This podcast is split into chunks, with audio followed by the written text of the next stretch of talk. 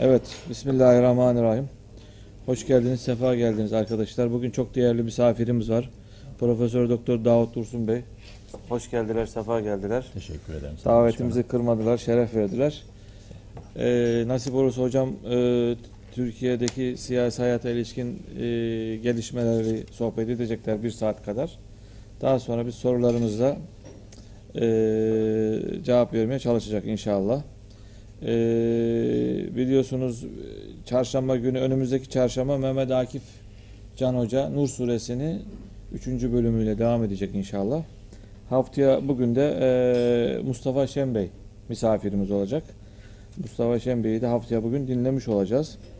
Cuma günleri biliyorsunuz bayanların kendi aralarında saat 11 ve 1.30 arası siyer ve fıkıh çalışmaları var. Bayanları o çalışmalara bekliyoruz. Ee, ayrıca biliyorsunuz şu anda Facebook'ta ve YouTube'da canlı yayındayız. Facebook ve YouTube'u tweet'te e, paylaşırsanız, retweet yaparsanız çok memnun oluruz. Çünkü e, epey de e, orada arkadaşlarımız takip ediyorlar çeşitli memleketlerde. Bu çerçevede e, Profesör Doktor Davut Dursun 1953 yılında Artvin Boşka ilçesinde doğdu. 1981 yılında İstanbul Üniversitesi İletişim Fakültesinden mezun oldu. İktisat Fakültesi Siyaset İlmi Enstitüsü'nde yüksek lisans ve Sosyal Bilimler Enstitüsü'nde doktora öğrenimini gördü. 92 yılında doçent, 2005'te de profesör oldu. Milli Eğitim Bakanlığı'nda sınıf öğretmeni ve okul yöneticisi, Uludağ Üniversitesi İktisadi İk- İdari Bilimler Fakültesi'nde araştırma görevliliği yaptı. Bir uluslararası yayıncılık ve araştırma kurumunda modern dönem Türkiye İslam dünyası sahasında editörlük ve ansiklopedi madde yazarlığı görevlerini yürüttü. 94 yılında Sakarya Üniversitesi İktisadi ve İdari Bilimler Fakültesi Kamu Yönetimi Bölümü Siyaset ve Sosyal Bilimler Ana Bilim Dalımına öğretim üyesi olarak göreve başladı. Ayrıca 2005-2009 yıllarında me- meclis tarafından RİTÜK üyeliğine seçildi. Temmuz 2090, 2009 ve 2015 arasında da RİTÜK başkanlığını yürüttü. Gazete köşe yazarlığı ve televizyon programcılığı da yapmıştır. Çeşitli eserleri vardır. Şu anda da Sakarya Mühendislik Fakültesi'nde görevini devam etmektedir. Hocam tekrar hoş geldiniz, sefa geldiniz. Bir saat kadar söylediğim gibi dinliyoruz sizi. Daha sonra sorulara geçiyoruz. Buyurun. Teşekkür ediyorum Sayın Başkan. Değerli Hazirun, hepinizi saygıyla selamlıyorum. Tabii Sakarya Üniversitesi Mühendislik Fakültesi e, başkanın kendi fakültesi olduğu için e, irticalen e, söylendi. Siyasal Bilgiler Fakültesindeyim. Onu tasih etmiş olayım. Önemli değil elbette ki ama ifade etmekte yarar. Evet, bilinçaltı. Şimdi arkadaşlar benden konuşma istediklerinde o anda ya işte Türkiye'deki siyasal gelişmeler üzerine konuşalım demiştim. E, yine o çerçevede e, fakat günlük siyasal değişmeler, gelişmeler bağlamında değil biraz daha e, meseleye e, daha temelden bakarak Türk siyasetinde ana sorun olan ee, özellikle çok partili demokrasi dönemindeki darbeler, darbelerin e, oluşmasında etkili olan iki önemli faktör üzerinde, o faktörlerdeki değişme üzerinde duracağım. Birisi siyasal liderlik diye benim tanımlamaya çalıştığım kriz durumlarında siyasal liderliğin Türkiye'de nasıl bir e, duruş, nasıl bir e, konum e, arz ettiğini e, ve zaman içerisinde meydana gelen değişmeleri, gelişmeleri arz edeceğim. İkincisi, bütün siyasal sistemlerin en önemli sorununu oluşturan yaşanan toplumsal krizlerin çözümlenmesinde darbeler şeklinde karşımıza çıkan güç ve kuvvet kullanımının bir problem çözme, bir sorun çözme, kriz çözme yöntemi olarak tercih edilmesi konusunun zaman içerisinde nasıl bir değişiklik arz ettiğini ortaya koymaya çalışacağım. Şimdi şöyle modern dönemdeki Türk siyasetinin ana parametrelerinde meydana gelen değişmeleri şu başlıklar altında hatırlamak mümkün. Öncelikle sultanlık rejiminden meşruti monarşiye doğru bir gelişme yaşandı Türkiye'de. Buradan kastettiğimiz ne? Ee, Ben e, mutlak monarşi ifadesini tercih etmiyorum, kullanmıyorum. Bu ifadenin kendi siyasal geçmişimizi anlatma noktasında sorumlu olduğunu düşünüyorum. Ondan dolayı ben kendi geleneksel klasik e, siyasal sistemimizin sultanlık sistemi veya sultanlık rejimi kavramıyla karşılanmasının daha doğru olduğunu düşünüyorum. O nedenle meşruti monarşi öncesindeki geleneksel sistemi e, sultanlık rejimi şeklinde ifade etmeye çalışıyorum. Yani e, bir parlamentonun olmadığı, iktidarın sınırlandırılmasına yönelik herhangi bir anayasal düzenlemenin söz konusu olmadığı, anayasacılık hareketi dediğimiz hareketlerin gündemde bulunmadığı, geleneksel yöntemlerle iktidarın iktidara gelindiği, iktidardan gidildiği ve iktidarın kullanıldığı ortama kısaca sultanlık rejimi adı veriyoruz. Malumunuz e, 1876'da e, kanuni esası diye bir anayasa ilan edildi. Siyasal e, iktidar tarafından. Bu anayasanın getirdiği yeni sistem içerisinde e, parlamento vardı. Yani Meclisi Umumi adıyla bir meclis vardı. Bu mecliste halkın temsilcileri yer alıyorlardı. Halkın temsilcileri arasında Müslümanlar da vardı, gayrimüslimler de vardı. Dolayısıyla halk sadece Müslümanlardan değil, e, farklı toplum kesimlerinden de e, oluşuyordu. Dolayısıyla bu Türk siyasetinin önemli bir gelişmesini ifade ediyor. İkincisi meşruti monarşiden parlamenter sisteme doğru bir geçiş yaşandı. 1908'deki meşhur ikinci meşrutiyet uygulamasıyla birlikte 1909'da anayasada gerçekleştirilen değişikliklerle meşruti monarşi parlamenter bir sisteme dönüştürüldü. Fazla iddialı olur mu onu bilmiyorum ama 1909'daki parlamenter sistem aslında geçtiğimiz yıllarda tartıştığımız parlamenter sistem, başkanlık sistemi tartışmaları içerisinde sanıyorum en anlamlı örneği oluşturuyor. Zira Türk siyasetinde parlamenter sistem 1961 anayasasıyla kurulan bir sistem değil. Tam tersine kanuni esasıyla 1909'da gerçekleştirilen köklü değişikliklerle gerçekleştirilen bir sistemdi ve o günkü anlamında İngiliz parlamentarizminin bir tür kopisiydi. Bunu götüremedik ayrı bir şey. Ama bu bir gelişme. Ee, tabii gelişme kavramı da biraz sorunlu bir kavram. Şundan dolayı gelişme ister istemez şöyle bir çağrışım yapıyor zihnimizde. Yani kötü bir durumdan daha iyi duruma doğru bir geçiş. Oysa ki gelişme kavramı biraz e, değer yüklü normatif bir kavram. Gelişme dediğiniz zaman bir kötü durumdan iyi duruma geçmişsiniz gibi bir anlam ortaya çıkıyor. Oysa ki belki gelişme değil de daha nötr değişme kavramını kullanmak daha doğru olabilir. Bu e, uluslararası literatürde de tartışmalı bir konu. Şey aklıma geliyor mesela Huntington gelişme kavramını değil değişme kavramının kullanılmasının daha doğru olduğunu savunur. Doğrusu biraz ben de o eğilimdeyim ama e, genel eğilim bu olduğu için ben de gelişme diyorum. Tabi sultanlık sisteminden parlamenter sistemle tanımlanmış sultanlık sisteminden cumhuriyete doğru bir geçiş. O da önemli bir gelişmeyi ifade ediyor modern dönemde. Çünkü saltanat kaldırıldı, yerine cumhuriyet kuruldu. Cumhuriyetin erdemi nedir? Başka bir tartışma konusu. Ama bir değişiklik, bir, bir biçimden bir başka biçime doğru geçiş. Ee, 1920 ile 25 arasındaki e, dönemi biz o 5 yıllık kısa dönemi kısmen liberal bir dönem olarak mütalaa ederiz siyaset bilimciler. Çünkü o dönemin kendine has belli özellikleri var.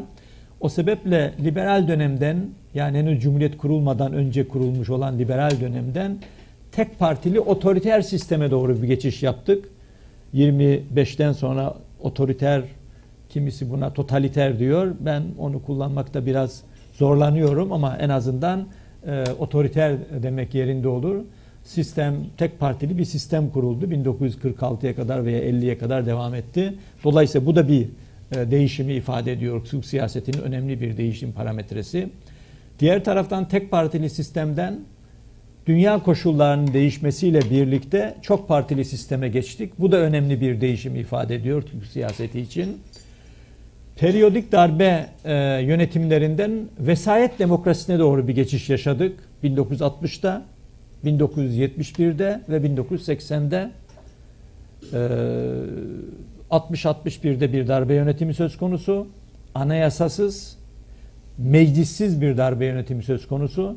71'de anayasalı, meclisli ancak e, nasıl diyelim e, parlamento içerisinden e, çoğunluk partisini temsilen bir başbakanın olmadığı, partiler üstü sözde başbakanın askeri zorlamayla oluşturulduğu, başbakanlığın oluşturulduğu bir dönem.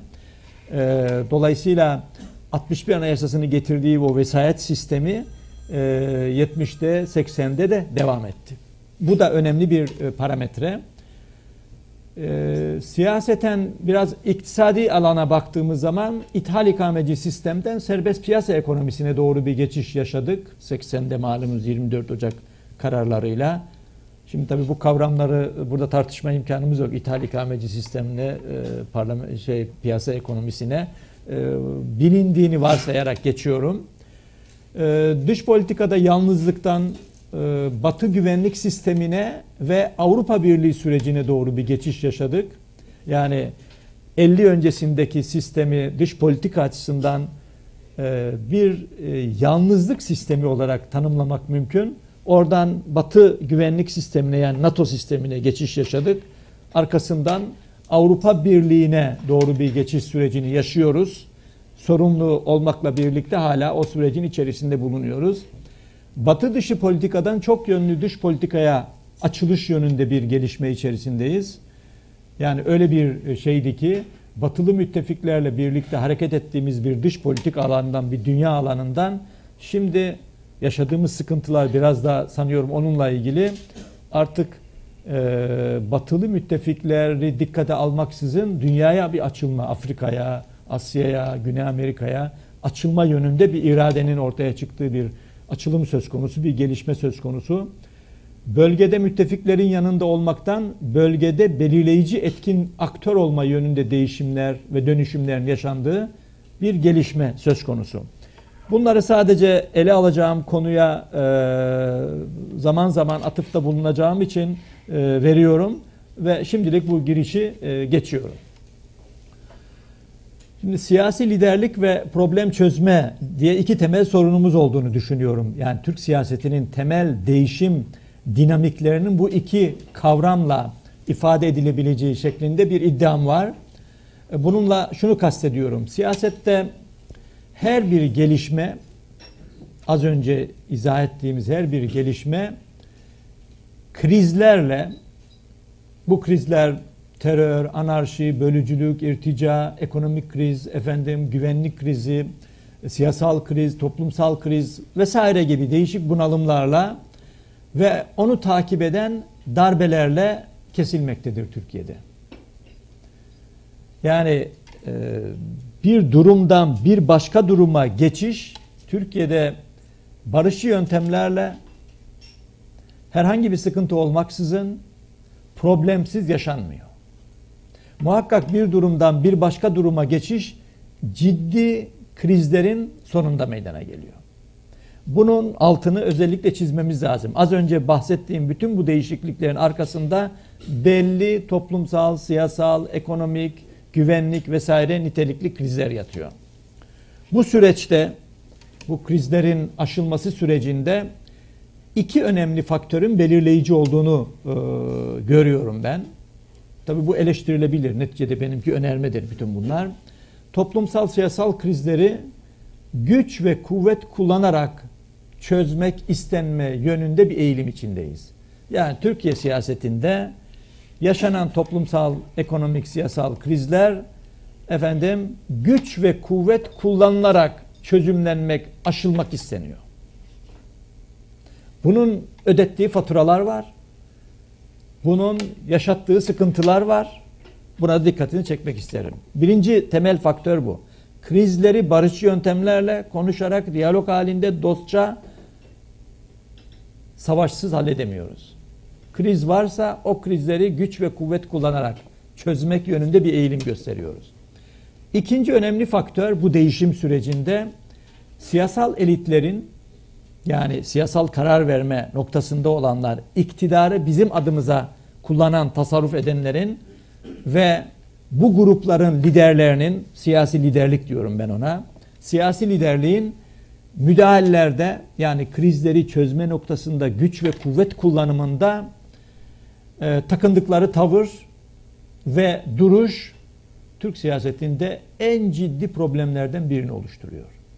Bu süreçteki değişimi eğer iyi okuyamazsak Türk siyasetini anlamakta biraz zorlanırız gibi geliyor bana. Dolayısıyla güç kullanımı ve siyasi liderlikteki gelişme siyasetin en belirleyici özelliğidir ve demokrasi yönünde umut veren bir husustur. Yani şunu demek istiyorum. Eğer sorunları güç ve kuvvet kullanmadan halletme yönünde bir gelişim içerisindeysek, krizleri güç ve kuvvet kullanmaksızın çözebiliyorsak, demokratik yöntemlerle ve demokratik kurumlarla o zaman demokratikleşme yönünde bir e, olumlu, umut verici gelişme vardır demektir. Bu analizin sonunda nasıl bir tablo olduğunu hep birlikte göreceğiz. Affedersiniz. Şimdi bu biraz uzunca girişi parantezi kapatıyorum. Türkiye Cumhuriyeti anayasal olarak demokratik bir ülke. Demokratik kurumlara, demokratik güçlere ve demokratik hukuk sistemine sahip olduğunu iddia ediyoruz.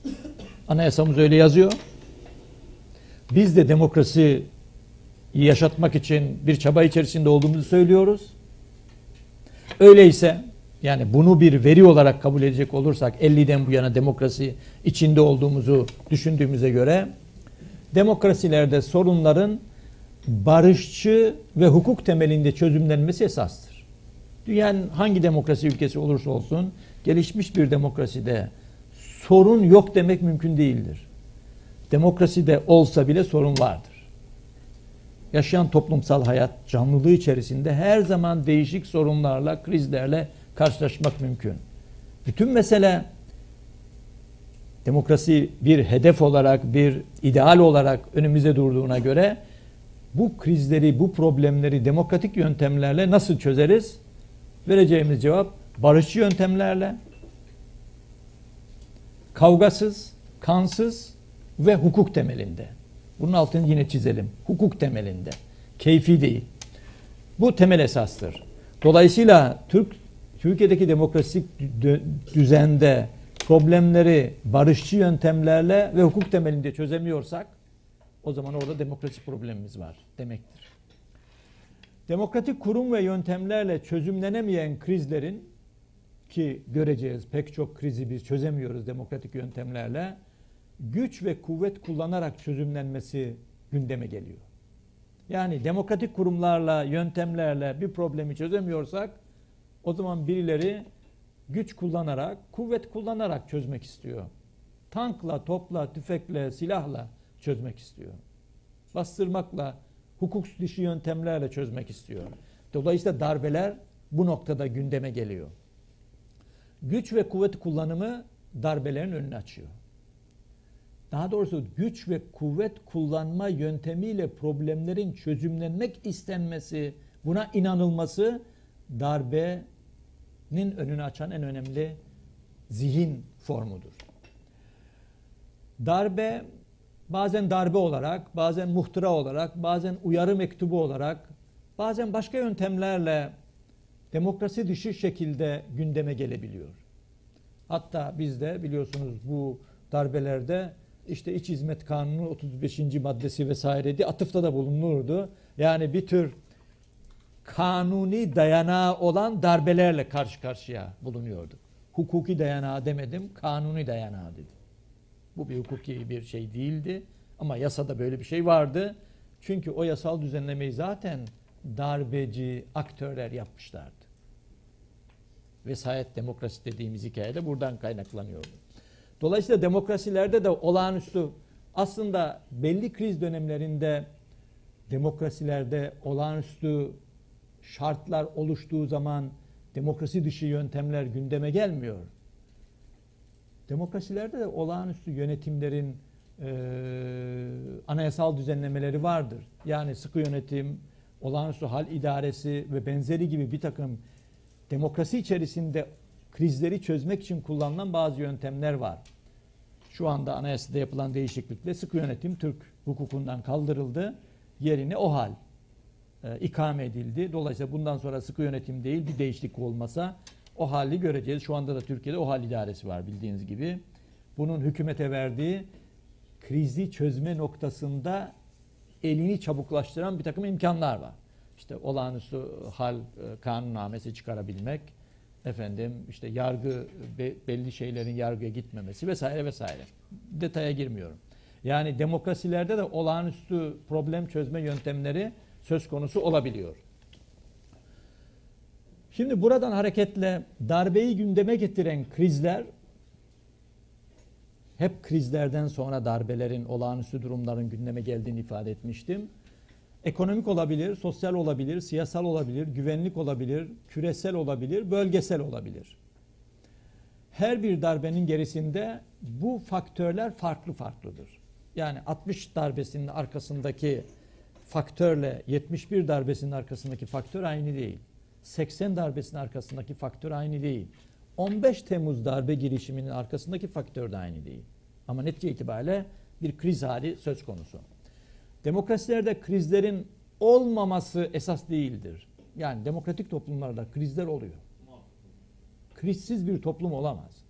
Ama bütün mesele demokrasilerde krizler olsa bile bu krizlerin seçimlere yönlendirilmesi söz konusu. Yani halk diyelim ki iktidardan memnuniyet duymuyor, eleştiriyor. O zaman şunu söylüyoruz, kardeşim seçimde o zaman iktidara hesap sorarsın. Memnuniyetsizlik orada da vardır. Krizler demokrasilerde de vardır.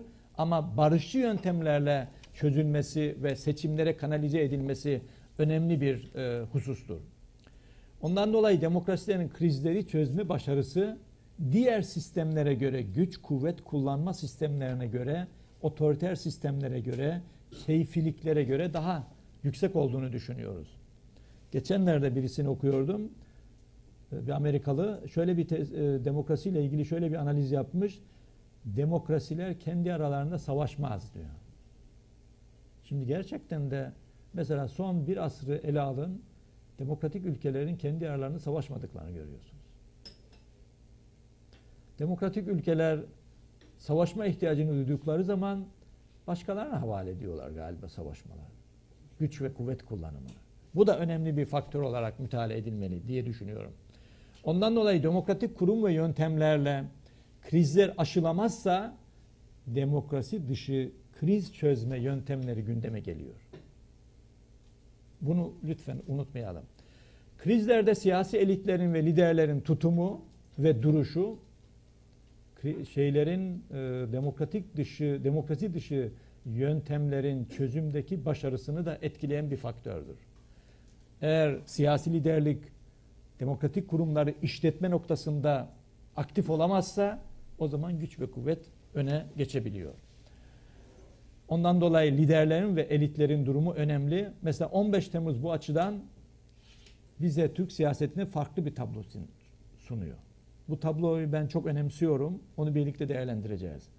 Demokrasiler memnuniyetsizlikleri ortadan kaldırmıyor, seçimlere yönlendiriyor. Az önce ifade etmiştim. Ondan dolayı seçimlerde başarı olamayanlar darbelere yöneliyorlar. Çünkü seçim var. E kardeşim mutlu değilsen seçime git. Seçimi kazan diyebiliyoruz. Geçelim. Türkiye'de uzun bir darbe geleneği var. Ta Osmanlı'dan itibaren Osmanlı'da darbeye darbe demiyorlardı. Başka şey deniyordu. Ama Osmanlı'da da siyasi iktidarlar yani iktidarı kullanan padişahlar güç ve kuvvet kullanılarak tahttan indiriliyor, yerine bir başkası geçirilebiliyordu. Bunun çok örnekleri var. Üzerine fazla durmayacağım. Mesela 2. Bayezid, 2. Osman, 1. Mustafa, Sultan İbrahim, 4. Mehmet, 2. Mustafa, 3. Ahmet, 3. Selim, 4. Mustafa, Sultan Abdülaziz, 5. Murat, 2. Abdülhamit gibi. Bunların hepsi darbe ile tahtlarını kaybetmişlerdir. Güç ve kuvvet kullanılarak tahtlarını kaybetmişlerdir. Askerler, ulema, bürokrasi vesaire e, şeyiyle, gücüyle. Bazıları sadece iktidarı kaybetmekle kalmamış, aynı zamanda hayatını kaybetmişlerdir.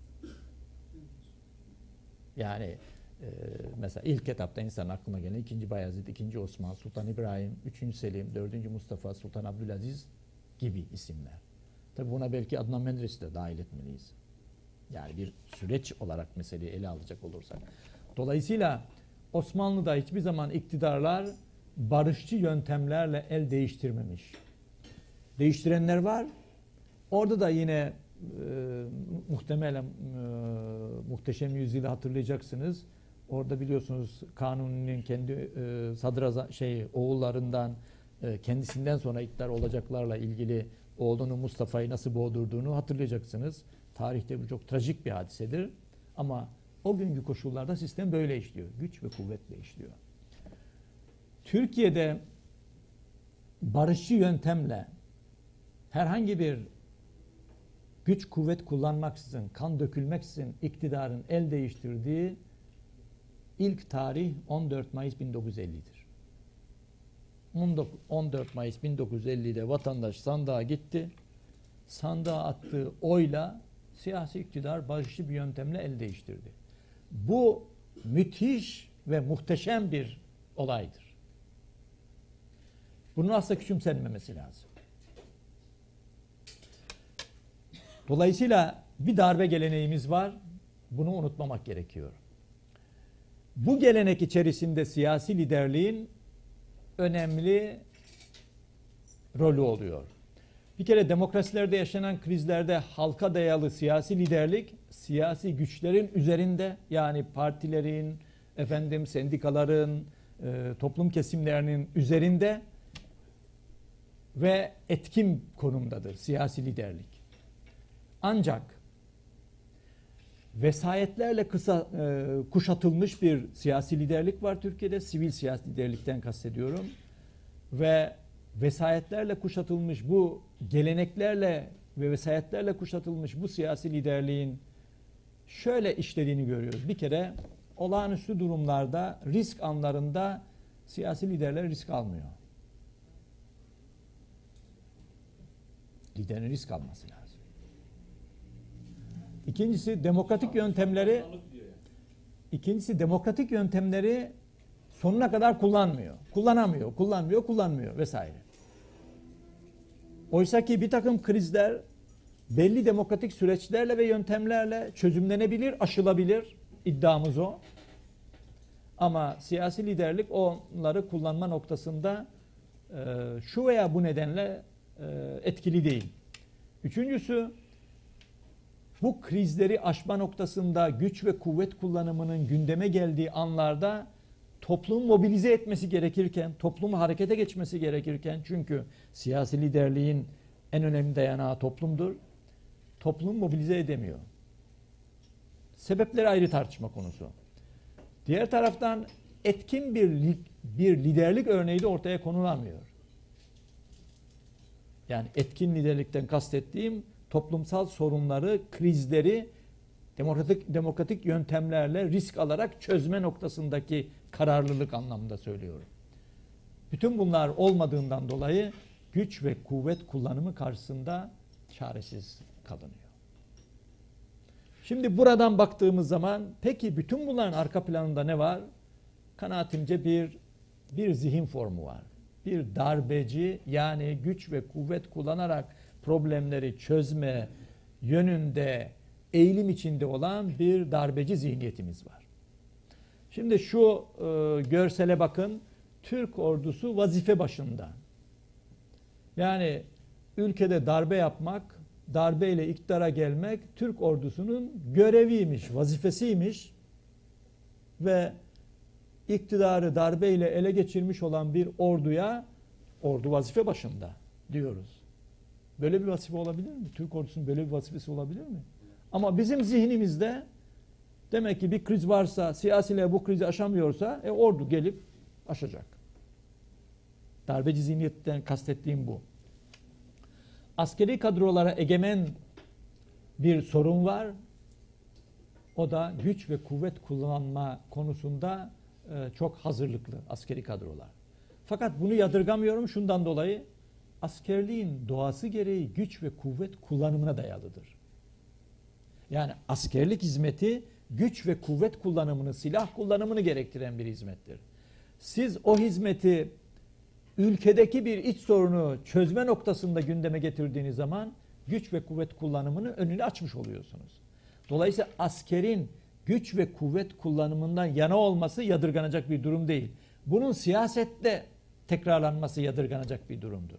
O bakımdan sorunların güç ve kuvvet kullanarak çözümlenebileceği anlayışı sorunlu bir anlayıştır. Unutmayalım bu sadece askerde olan bir kanaat değildir. Pek çok sivilde işte burada gazetenin başlığında da gördüğünüz gibi asker güç ve kuvvet kullanıp iktidarı ele aldığı zaman asker vazife başında. Yani doğal vazifesini yapıyor gibi bir anlam çıkıyor. Bu kabul edilemez. O sebeple siyasi ve idari elitlerin ve halkın darbeyi çözüm olarak görmeleri ki bu onu yansıtıyor kanaatimce çözüm olarak görmeleri ve belli dönemlerde darbe beklentisi içerisinde girmeleri Türkiye'deki güncel önemli sorunlarımızdan birini oluşturuyor diye düşünüyorum. Peki bu darbeler sonuç olarak neyi ortaya koyuyor derseniz bana bir kere demokratik kurumların Türkiye'deki demokratik kurumların 50'den bu yana kastederek söylüyorum. Demokratik kurumların ne kadar kıldıgan olduğunu, ne kadar pekişmemiş olduğunu, ne kadar naif olduğunu ve ne kadar işlevsiz olduğunu ortaya koyuyor. Bu önemli bir problemimiz.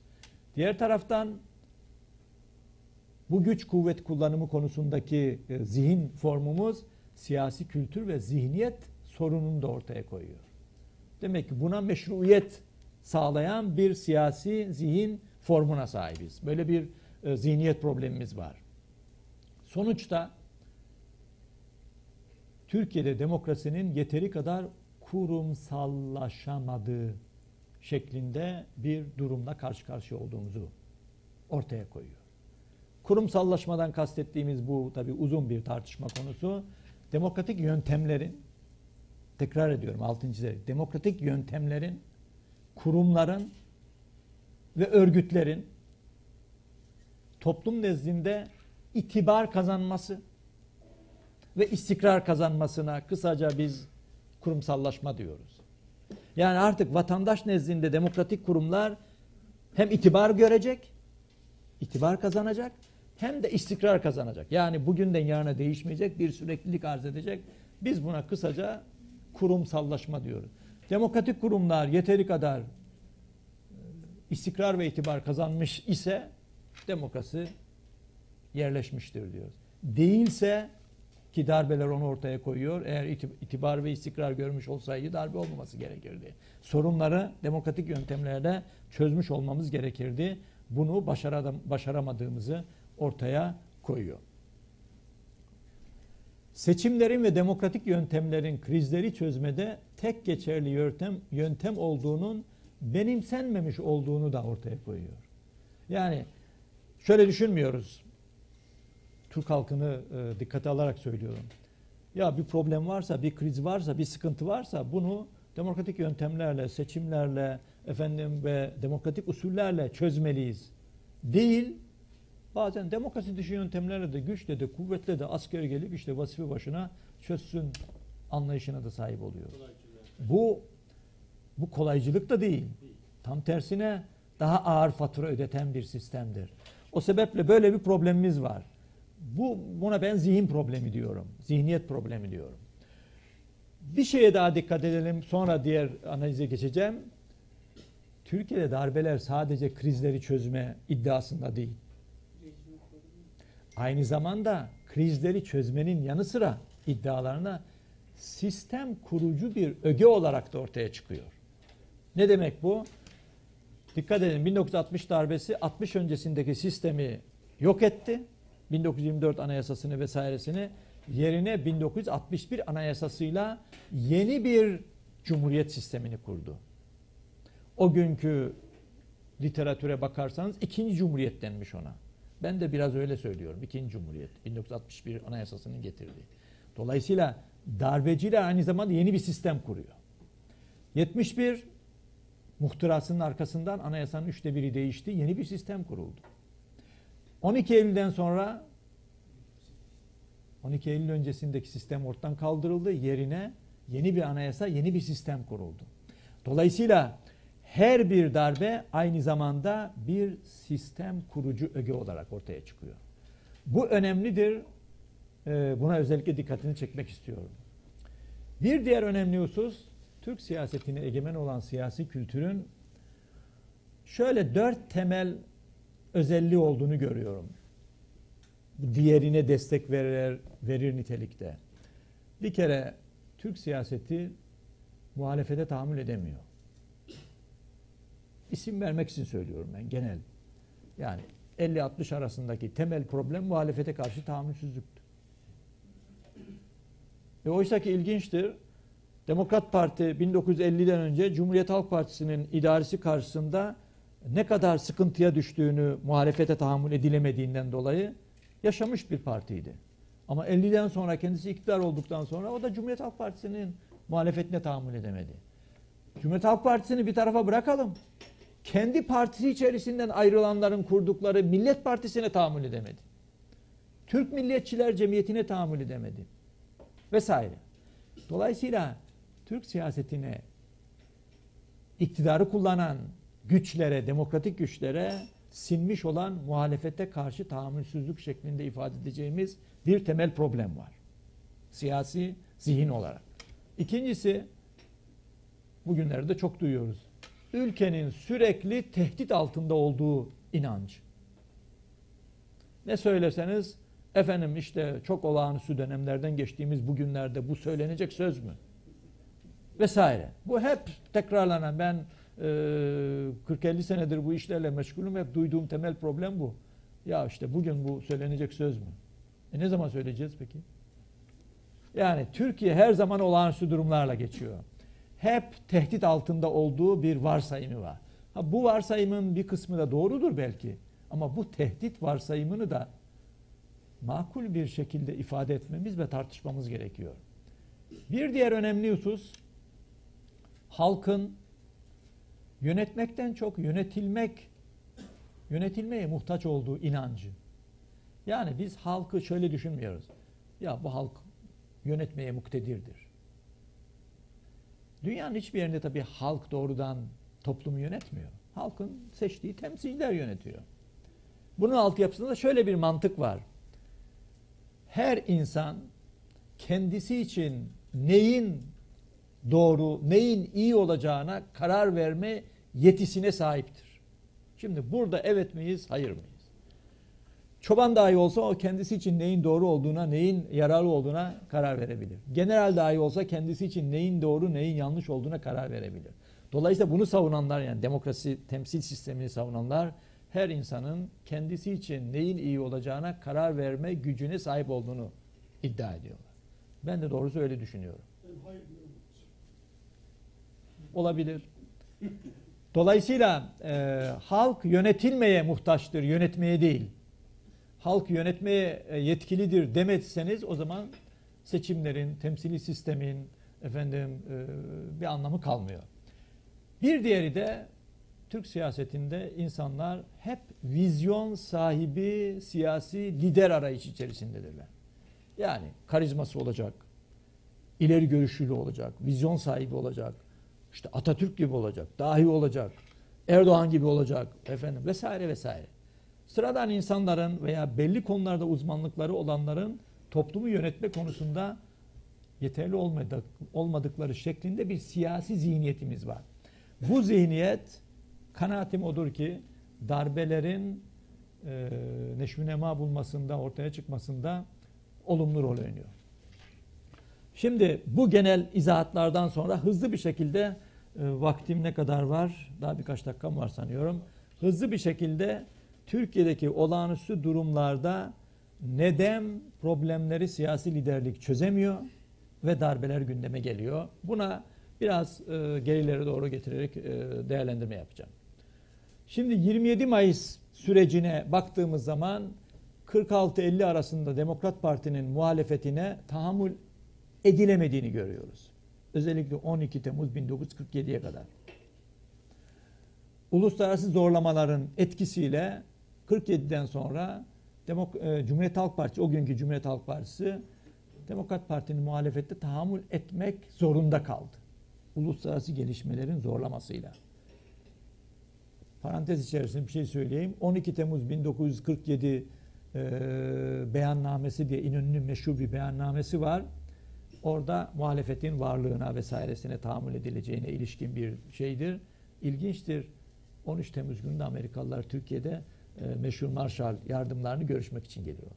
Yani Amerikan e, görüşmelerini olumlu etkilemek için yapılmış bir açıklama gibi duruyor bu.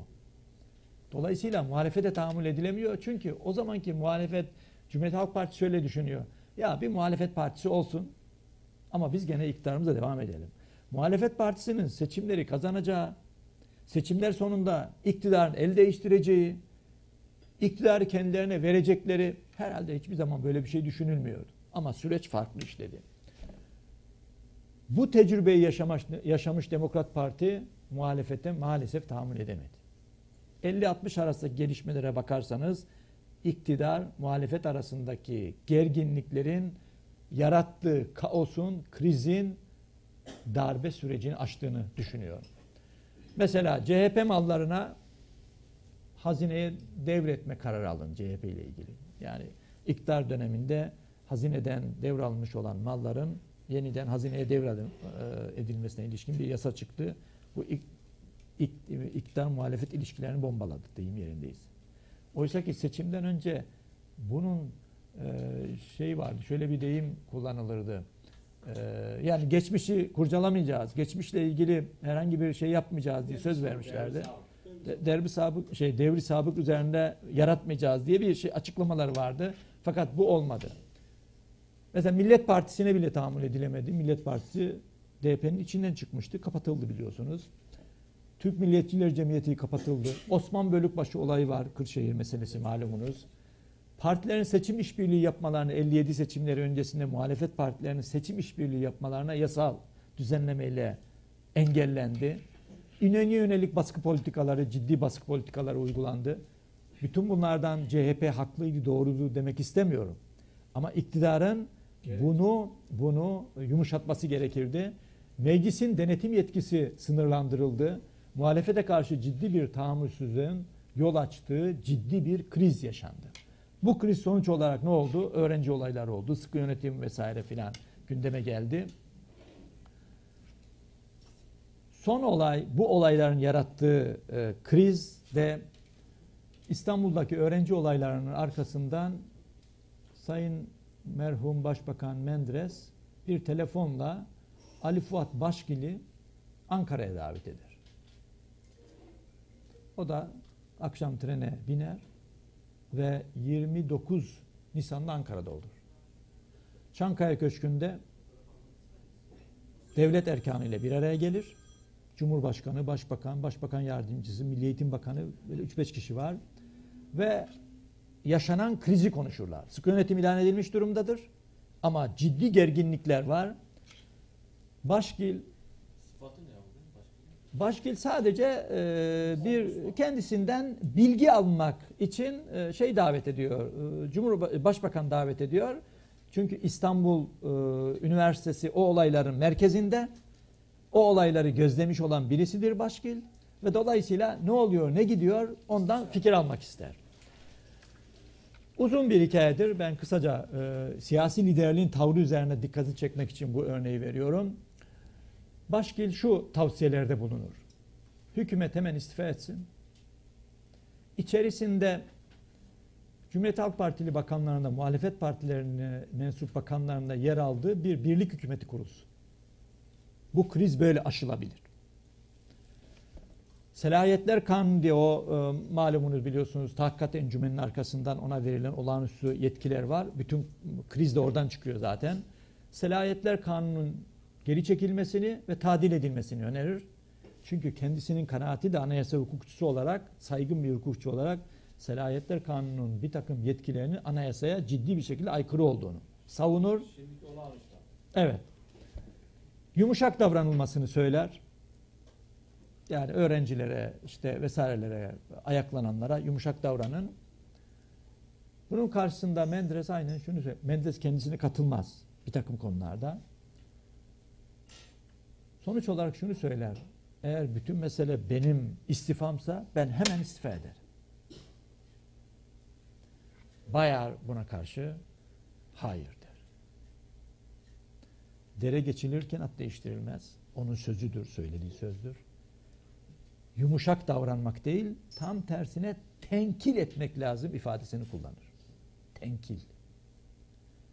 Kimisi bunu katletmek lazım öğrencileri anlamında yorumlar. Tabi o anlamda kullanmıyor. Çünkü e, şeyin 27 Mayıs kitabında vardır Başkil'in. Tenkil kelimesini yeniden yorumlatmak üzere kendisine sorar. Anlamadım paşam. Tenkil şey Sayın Cumhurbaşkanım tenkil mi der? Tenkit mi der? O da cevaben ne tenkidi? Tenkidin zamanı geçti. Tenkil, tenkil diye üsteler. Kastettiği şu daha zo zecri tedbirler uygulansın. Yani bir herkes görsün bu işin faturasının ne olduğunu anlamında. Ve sonuç olarak ne olur? Bayar'ın o zecri tedbirleri, muhalefete asla taviz vermeme tedbirleri uygulanır ve sonuç darbeye varılır. Oysa ki Sayın Cumhur e, Başbakan Menderes istifa etseydi istifa bir demokratik kurumdu. Yerine birlik hükümeti kurulsaydı bu da demokratik bir kurumdu.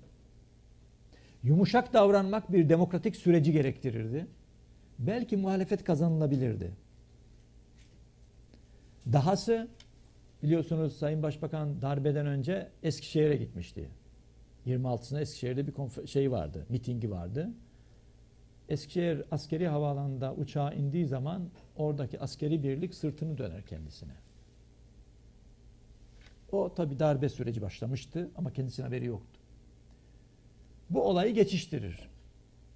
Oysa ki etkin bir siyasi liderliğin yapacağı şey demokratik yöntemlerle hemen o tavır içerisinde bulunanları orada görevden almak, tutuklamak vesaire neyse. Ertesi günü konuşmasında Tahkikat Komisyonu'nun görevi tamamladığını, yakında seçimlerin olacağını filan söyler ama biliyorsunuz hoparlörün telleri kesildiğinden dolayı kimse duymaz bile bu söylediklerini ve darbe gelir. Şöyle yapalım ben bitireyim sonra sözünüzü, şey sorunuzu. Sonuç olarak kriz darbeyle çözümlenir. Demokratik yöntemler o günkü siyasi liderlikle kullanılamaz ve sorun çözülemez. İlginçtir.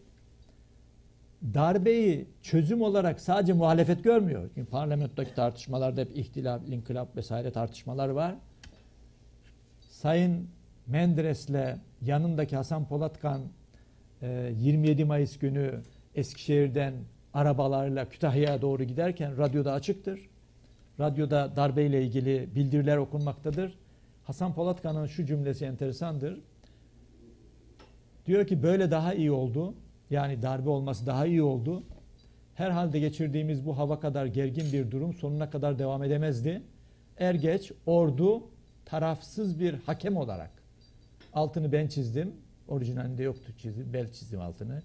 Tarafsız bir hakem olarak müdahale edecekti. Tam zamanında yaptı. Buradan şunu çıkarıyorum ben. Yani darbenin mağduru bile birinci derecede mağduru bile darbeyi krizden çıkış yolu olarak görüyor. Bir çözüm olarak görüyor. Darbeci zihniyetten kastettiğim buydu. Yani e, kendisine karşı darbe yapılmış, daha sonra idam edilecektir biliyorsunuz. Oysa ki orduyu tarafsız bir hakem olarak selamlıyor. Bu kabul edilemez arkadaşlar. Geçelim. 12 Mart'ta da durum biraz farklı ama esas itibariyle yine darbe, güç ve kuvvet kullanımı, problem çözme, kriz çözme yöntemi olarak karşımıza geliyor ve etkin bir siyasi liderlik gene gösterilemiyor. 60'larda yaşanan krizlerin arka planında kanaatimce bu da tartışılabilir. 61 Anayasası'nın meşruiyeti tartışmalar yatıyor. Çünkü 61 Anayasası'nı yapan kurucu meclisin yapısı bu meşruiyeti tartışmalar haline getirmiştir. Toplumun yarısı anayasa yapımı sürecinin dışına tutulmuştur. En iyi anayasayı yapsanız bile kendi temsilcisinin yapım sürecinde görmeyen toplum taraflarının o anayasaya evet demeleri mümkün değil. O anayasayı içselleştirmeleri mümkün değil. Öyle oldu nitekim. Dahası bu anayasa vesayet kurumlarını getirdi, siyaseti budadı. Milli Güvenlik Kurulu orada geldi, Anayasa Mahkemesi orada geldi. Efendim vesaire egemenlik tanımı bile değişti o anayasayla. Yürütme güçsüzleştirildi. Egemenliğin kullanımına ortak organlar oluşturuldu. Bütün bu süreçte ciddi bir parlamento dışı muhalefet gelişti. Yön dergisi o günleri hatırlayan var mı bilmiyorum. Yön dergisi tek partili diktatörlüğü savunuyordu. Açık açık. Doğan Avcıoğlu ve ekibi. Ve onların temel tezi şuydu. Bu toplumun bir an önce sıçrama yapabilmesi için demokratik süreçlere bu olmaz. Aydın zinde güçlerle darbeyle iktidar ele geçirilmeli ve tek partili otoriter baasçı bir sistemle atığımlar gerçekleştirilmelidir. Bu görüş askerlerde, subaylarda da müthiş bir taraftar bulmuştur. O günkü askerlerde 60'lı yıllarda en çok okunan kitaplardan biri Doğan Avcıoğlu'nun Türkiye'nin düzenidir. Yön dergisidir. Akis dergisidir. Dolayısıyla e, bu kriz yani bu durum bir kriz yarattı. 60'lı yıllarda sağ partiler kazandı. Evet. Adalet Partisi 65 seçimini kazandı. 69 seçimini kazandı. Ama hep şunu söylüyordu Demirel, bu anayasa ile toplumu idare etmek mümkün değil. Buna karşı sol çevrelerin söylediği neydi? Siz bu anayasayı uygulamak istemiyorsunuz da ondan. Bırakın biz gelelim, biz nasıl bakalım toplumu iyi idare edeceğiz. Sonuç olarak tek parti diktatörlüğünü bağızçı bir yapıyı kurmak için 9 Martçılar diye tabir edilen bir askeri junta oluşumu vardı. Bu junta oluşumu 9 Mart günü yüksek komuta heyeti destek vermediğinden dolayı daha doğrusu kendi içerisinde yani Gürler, Tamaç vesaire kendi içerisinde çatladıklarından dolayı destek vermedikleri için gerçekleşmedi. Ama arkasından 12 Mart muhtırası geldi. 12 Mart muhtırası deyim yerindeyse bir tür darbe içinde darbe oldu. Yani tek partili otoriter sistemi getirmek üzere darbe yapmak isteyen zinde güçleri sindirmek için emir komuta içerisinde bir muhtıra verildi. Muhtıra sonuç olarak ne sağladı? Süleyman Demirel gitti. Seçimle gelen iktidar gitti. Yerine askeri zorlamayla kurulan olağanüstü hükümetler kuruldu. Anayasanın üçte biri değiştirildi bu süreçte. Bir takım yeni mesela kanun hükmünde kararname sistemi o zaman getirildi. TRT'nin ve üniversitelerin özellikleri o zaman kaldırıldı. Efendim e, vesaire bir sürü süreç işte askeri yargıtay, askeri danıştay vesaire o zaman kuruldu filan. Sonuç olarak e, yaşanan toplumsal kriz askerlerin zorlamalarıyla parlamento vardı. Parlamento içinden çıkan hükümet vardı ama askeri zorlamalarla hareket eden bir yapı söz konusu oldu. Yine kriz askerlerle güç ve kuvvet kullanarak güç ve kuvvet kullanımı tehdidiyle çözümlenmiş oldu. Fakat burada siyasi liderliğin farklı anlaşılır mıyım ondan da çekiniyorum ama siya, e, Sayın Demirel'in temsil ettiği siyasi liderliğin nispeten başarılı bir liderlik olduğunu düşünüyorum ben. Şu açıdan Demirel bu muhtıra karşısında başbakan olarak kalabileceğini artık mümkün görmüyordu. Mümkün değildi çünkü ona karşıydı. Ama ne yaptı? Hemen istifa etti. İstifa mektubunu da bir kurye ile gönderdiği şeye, Çankaya'ya bir görevliyle gönderdi. Bu bile bir protesto olarak algılanmıştı o zaman. Kendi götürmedi ve istifa mektubunda bu yapılanın anayasa ve yasalara aykırı olduğunu ifade etti. Bu bile olağanüstü bir mesele olarak algılanmıştı. Arkasından kurulan hükümete askerlerin zorlamasıyla destek verdi, bakan verdi, güven oyu verdi Nihat Erim hükümetine, birincisine, ikincisine, Talu'ya, Melen'e. Fakat süreci kendisi belirledi. Yani olağanüstü durumu, olağanüstü yönetimleri kendi manipülasyonuyla kendisinin yapmak istediklerini yapacak şekilde etkilemiş oldu. Sonuç olarak da Gürler'in Cumhurbaşkanı seçimini engelleyerek bir bakıma 12 Mart'ın rövanşını da almış oldu. Yani Demirel kanaatimce bu eleştirilebilir, tartışılabilir, kuşkusuz. Hep şu söylenir işte şapkayı aldı gitti vesaire.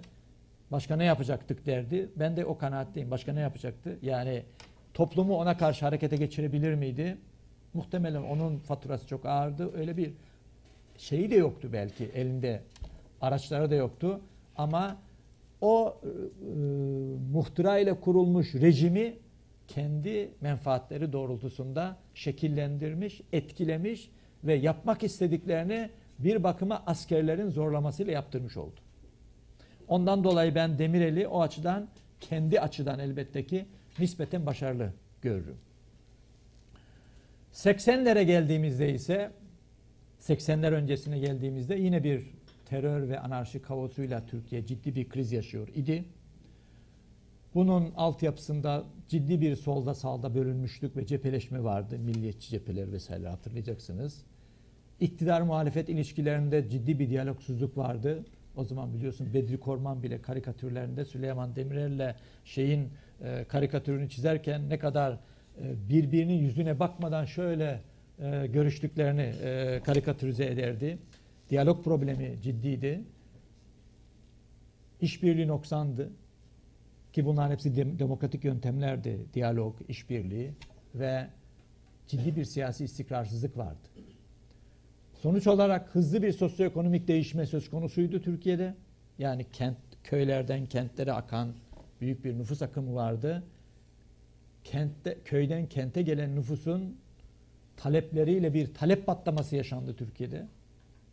Çünkü kente gelen insan ev istiyor, yol istiyor, su istiyor, ulaşım istiyor, eğlence istiyor, park istiyor vesaire vesaire. E siz buna uygun bir yapılanma ortaya koyamıyorsanız krize dönüşüyor bu talepler. Dolayısıyla sorunlar çözümleneme, çözümlenemiyordu.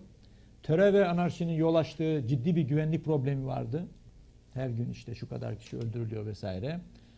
Dahası bir de uluslararası gelişmeler yani İran'da İslam devrimi gerçekleşmişti. Afganistan Sovyetler Birliği tarafından işgal edilmişti hatırlayalım. Dünyada bir İslamcılık eğilimi ortaya çıkmıştı. Bundan dolayı NATO'nun çalışmaları falan vardı biliyorsunuz. Yunanistan NATO'nun Güneydoğu e, kanadına dönmesi talepleri vardı. Türkiye bunu karşılayamıyordu. Bütün bunlar yan yana geldiği zaman ciddi bir bölgesel güvenlik problemi vardı. Bu problemlere demokratik yöntemlerle seçilmiş hükümetler çözüm üretemedi, bulamadı. Siyasi liderlikler maalesef zaaf içerisinde görüldü. Sonuç olarak ekonomik, toplumsal ve siyasal krizlere çözüm bulunamadı. Çünkü kriz sadece tek kriz değil. Bir taraftan ekonomik olarak işte kara borsa vesaire filan var. Bir taraftan işte milliyet cephe hükümetlerin yarattığı ciddi problemler var. Azınlık hükümetleri var. Sanıyorum o dönemde bilmem 11 hükümet mi ne kurulmuş? Bir hükümetin ömrü 9 ay. Ciddi bir siyasi istikrarsızlık var. Ekonomik istikrarsızlık var. Fiyatlar artıyor. Bir azınlık hükümeti var. 1980'de Demirel'in azınlık hükümeti vardı hatırlayalım. Ondan önce Ecevit'in hükümeti vardı. Ecevit'in o 11'lerle kurduğu meşhur e, kapı e, arkasındaki evet Güneş Motel meselesi. Bütün bunlar tabii ciddi problemler. Dolayısıyla azınlık hükümet son şanstı ama azınlık hükümeti problemleri çözme kabiliyetli değildi. Dahası 24 Ocak kararları bu dönemde alındı. 24 Ocak 1980'de. Bu Türk ekonomisinin makas değiştirmesiydi. İthal ikameci ekonomi terk edildi. Yerine e, piyasa ekonomisi benimsendi. Ama buna yeteri kadar siyaset cenahı destek vermedi. E, sağ olsun mezhebe de destek vermedi. Unutmayalım. Cumhurbaşkanı seçilememesi ciddi bir problemdi, siyasal bir problemdi hatırlayalım. Uluslararası sistemin talepleri karşılanamıyordu, anarşinin önüne geçilemiyordu. Ekonomik kriz kitle- kitleleri yaşamdan bezdirmişti ve demokratik kurumlar çalışmıyordu. Yani meclis çalışmıyor, hükümet iş yapamıyor, a, muhalefet e, faaliyet gösteremiyor vesaire. Şimdi böyle bir ortamda böyle bir ortamda demokratik sistem problem çözemeyince güç ve kuvvet gündeme geliyor. Kenan Evren'in zorlu yıllarım hatıratını okursanız orada nasıl bir süreç yaşandığını çok net bir şekilde görürüz. Ve sonuç olarak beklenen darbe geliyor. Çünkü o zaman her gün acaba yarın mı olacak, acaba ertesi gün mü olacak diye tartışmalar yapılıyordu darbe için. Sonunda da bir darbe beklentisi vardı. Yani darbe olsun ve problemler darbe çözsün. Bu dile getiriliyordu. Ve sonuç olarak bu süreçte özellikle iki önemli siyasi liderliğin kendini test etmesi bakımından iki önemli adım e, mi anarak geçmek istiyorum. Bir uyarı mektubu. 1980'in ilk günlerinde açıklanan Genelkurmay Başkanı ve kuvvet komutanlarının imzaladıkları bir uyarı mektubu Cumhurbaşkanı'na verilmişti. O da kamuoyuyla paylaştı. Anayasal kurumları, siyasal partileri ve hükümeti mevcut problemleri çözme konusunda uyarıyorlardı. Yüksek tonda. Fakat bu uyarı mektubunu kimse üzerine almadı. Oysaki etkin bir siyasi liderlik şunu sormalıydı Genelkurmay Başkanı'na ve askerlere. Siz nasıl olur da böyle bir mektup yazarsınız? Emekli etmeliydi. Ama unutmayalım azınlık hükümetin onları emekli edebilme gücü yoktu. Ben bizzat Kenan Evren'e sormuştum bunu bir röportajımda. Siz bu uyarı mektubunu yazarken emekli edilebileceğinizi hiç düşünmediniz mi dedim. Güldü. Dedi Genelkurmay Başkanlığı ve kuvvet komutanlarını bir anda emekli edecek bir güç yoktur.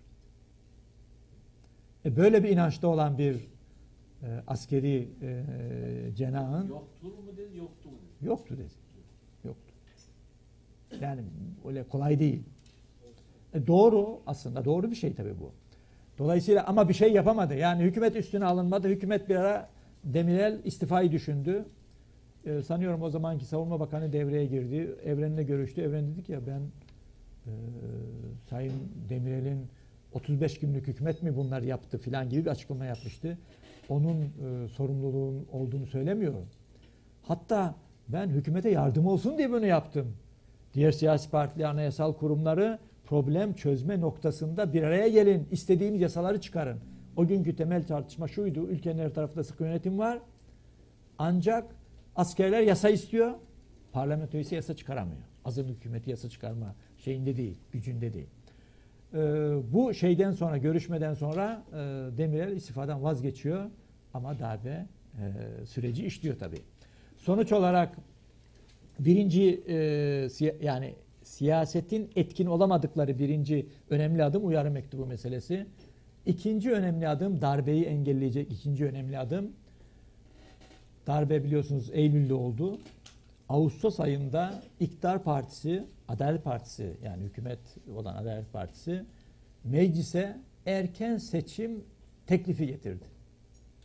Bilmiyorum hatırlar mısınız o günleri? Hatırlayan arkadaşlarımız vardır muhtemelen. Anayasa Komisyonu'na hemen havale edildi erken seçim teklifi. Anayasa Komisyonu'nda Cumhuriyet Halk Partili Muammer Aksoy ve Turan Güneş erken seçimin nasıl anayasaya aykırı olduğunu ispatlamak için 600'er sayfalık metinlerle geldiler. Günlerce tartışıldı. Sonuç olarak Milli Selamet Partisi de bu erken seçim teklifine destek vermeyince bu anayasa değişikliği gerçekleşmedi. Oysa ki şöyle düşünülüyordu. 24 Ocak kararlarıyla piyasada mallar vesaireler gelmişti. Evet pahalandı ama artık tezgah altından yukarı çıktı mallar. Bir iyileşme, kısmi bir iyileşme sağlanmıştı. Tartışma şuydu. Efendim Adalet Partisi bu durumu kendi lehine çevirmek için erken seçim istiyor. Eğer erken seçime gidilirse Adalet Partisi kazanır. Öyleyse buna müsaade etmeyelim.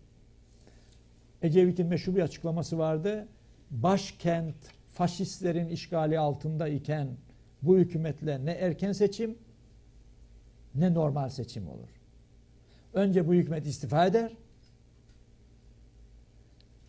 Bir onarım hükümeti kurulur. Onlarda onarım hükümeti tarihi eskidir. Arkasından erken seçim tartışılır. E tabi darbe seni beklerse. Sonuç olarak ne oldu? Bu fırsatta kaçtı ve asker devreye girdi. Darbe devreye girdi. Güç ve kuvvet kullanama devreye girdi. Bunu ben şöyle yorumluyorum. Demokratik kurumlar işletilemedi. Yani erken seçim bir demokratik kurumdur. Demokratik bir problem çözme yöntemidir. Bu işletilebilirdi, işletilemedi. Askerlerin emekli edilmesi bir yöne, demokratik yöntemdi. Bu da işletilemedi. Sonuç olarak etkin bir siyasi liderlik olmayınca darbe rahatlıkla gündeme gelebildi. Bunu da evrene sormuştum. Dedim erken seçim kararı alınsaydı siz ne yapardınız? Aynen şu cevap verilmişti, vermişti. Erken seçim kararı alınsaydı seçimi büyük ihtimalle Adalet Partisi kazanırdı. Bizim isteklerimizi yerimize yerine getirirdi. Darbeye gerek yoktu. Bu bile benim tezimi doğrulayan bir e, cevap şeklinde okuyorum. Sonuç ne?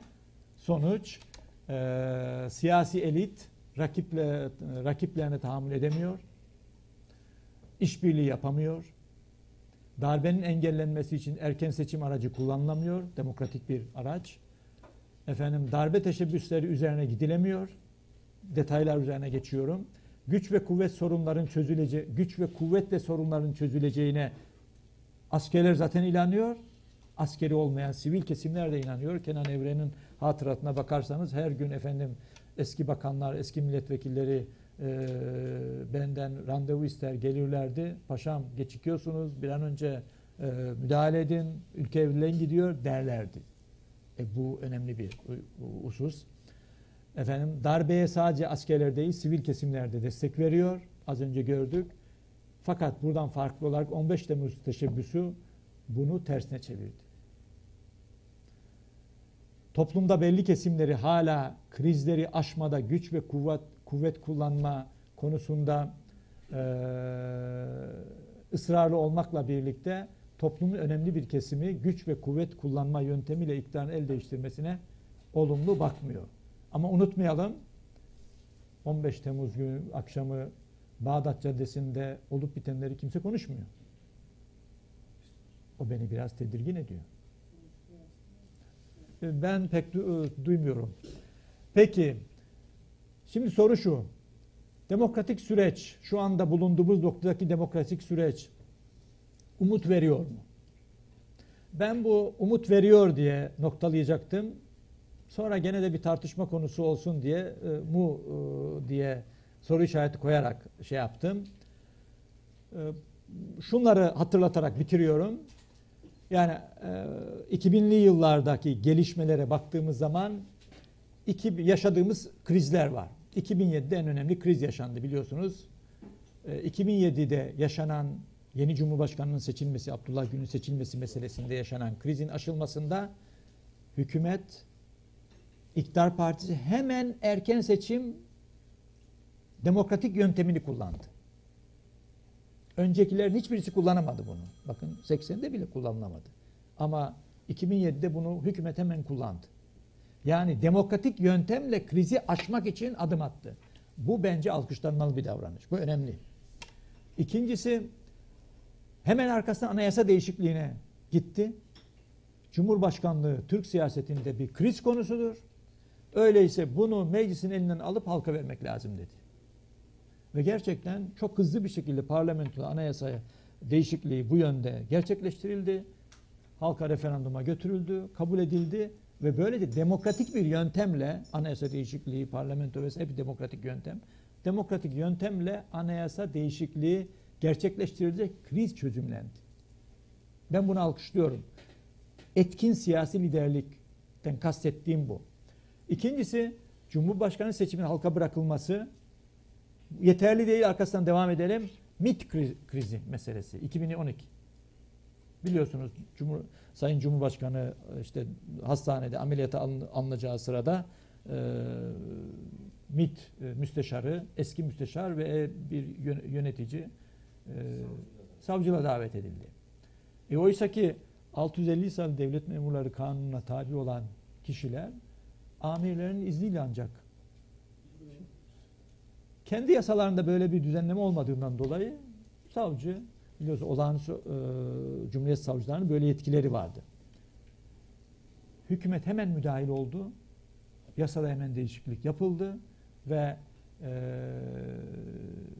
MİT görevlilerinin başbakanın izni olmadan ifadeye çağrılamayacağı düzenlemesi yapıldı. Bu bir demokratik yöntem. Yani yasa çıkarıyor, yasa değişikliği yapılıyor, demokratik yöntemler kullanılıyor. Bir problem var, bir kriz var, krizi demokratik adımla atıyor, açıyorsun. Dahası gezi olayları çok konuşuldu bunun üzerine ama artık biliyoruz ki gezi olayları masum sıradan olaylar değil. Bunun aşılmasında da yine yine demokratik yani bir olağanüstü hal ilan edilmedi. Parlamento kapatılmadı. Bir diktatörlük kurulmadı ama normal demokratik yöntemler kullanılarak gezi olayları bastır, bastırıldı. 17-25 Aralık girişimi yine bu da bugün artık biliniyor 3 aşağı 5 yukarı 2013'te. Yine bu da demokratik yöntemlerle hükümet e, şeyde hükümet içerisinde hükümet kurumlarındaki paralel yapı tespit edildi. Buna ilişkin bir takım e, mücadele e, stratejileri uygulandı. Ve dahası 15 Temmuz girişimi de etkin bir siyasi liderlikle püskürtüldü diye düşünüyorum ben. Eğer etkin bir siyasi liderlik olmasaydı 15 Temmuz hain darbe teşebbüsü püskürtülemeyebilirdi. Elbette bunun içerisinde başbakanın önemli rolü var, medyanın önemli rolü var, efendim işte sivil toplum örgütlerinin önemli rolü var, parti örgütlerinin önemli rolü var. Bütün bunlar MHP'nin, CHP'nin vesairenin önemli rolü var. Ama işin merkezinde Sayın Cumhurbaşkanı'nın bir telefon bağlantısıyla bir televizyon ekranına bağlanıp halkı havaalanlarına ve şehir meydanlarına davet etmesi bu püskürtülmenin önünü açtı diye düşünüyorum. Yani burada da yine etkin bir siyasi liderlikle karşı karşıya bulunuyoruz. Dahası yine Türk siyasetinde ilk kez bu teşebbüs püskürtüldükten sonra sistem değiştirmeye yönelik yine demokratik yöntemlerle sistem restore edildi. Yani Cumhurbaşkanlığı e, hükümet sistemi denilen yeni bir hükümet sistemi getirildi. Hükümet sistemi üzerindeki tartışmayı bir tarafa bırakıyorum. Yani ona itirazlarımız olabilir, iyi oldu denebilir ama ben yöntemi tartışıyorum. Parlamentoda parlamentoya getirildi. Anayasa Komisyonu'nda görüşüldü. Kavgalar, gürültülere rağmen görüşüldü, tartışıldı. Parlamentoda oylandı. Cumhurbaşkanı'na gönderildi. Efendim resmi gazetede yayınlandı. Ee, arkasından referanduma gidildi. Vatandaş kabul etti. Ee, evet diyenler oldu, hayır diyenler oldu. Sonuç olarak %50 küsür oyla, 51 oyla kabul edildi. Ve böylece sistem daha önce darbe yönetimleriyle, darbe rejimleriyle, darbeciler tarafından sistem kurulurken, restore edilirken ilk kez Türkiye'de demokratik yöntemlerle seçilmiş hükümet ve milletvekilleriyle sistem restore edilmiş oldu. İyi oldu, kötü oldu. Başka bir tartışma konusu. Sonuç olarak bu bence e, önemli bir gelişmeyi ifade ediyor. Toparlıyorum ve bitiriyorum. Bir fotoğraf.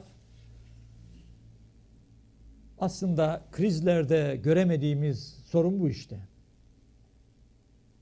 Bir e, uluslararası bir toplantıda bunu e, sunmuştum. Birisi şöyle bir e, soru sordu. Dedi ki burada dedi e, dışlanan kimse yok mu dedi. Var. Yani ben işin o tarafında değilim. Elbette ki bu kare daha da geniş olmalı. Ama burada önemli olan şu, şunu demek istiyorum. 60'da, 70'te, 80'de hep bir diyalog probleminden, hep bir işbirliği noksanlığından, hep bir ortak duruş sorunundan söz ediyoruz. Bu bir diyalog sahnesi. Bu ne kadar geniş olursa ne kadar sık tekrarlanırsa, ne kadar efendim bir zihine dönüşürse o kadar sorun çözücü olabilir diye düşünüyorum. O bakımdan yani kimlerin olduğu o kadar önemli değil. Önemli olan devletin üst katlarındaki siyasi liderlerin bir araya gelebilmiş olmaları. Onun üzerine yani şu da olmalıydı, bu da olmalıydı. Bunlara aynen katılıyorum. Ama sadece bir e, şey olsun, e, bir refleks olsun diye koydum. Teşekkür ediyorum. Saygılar sunuyorum.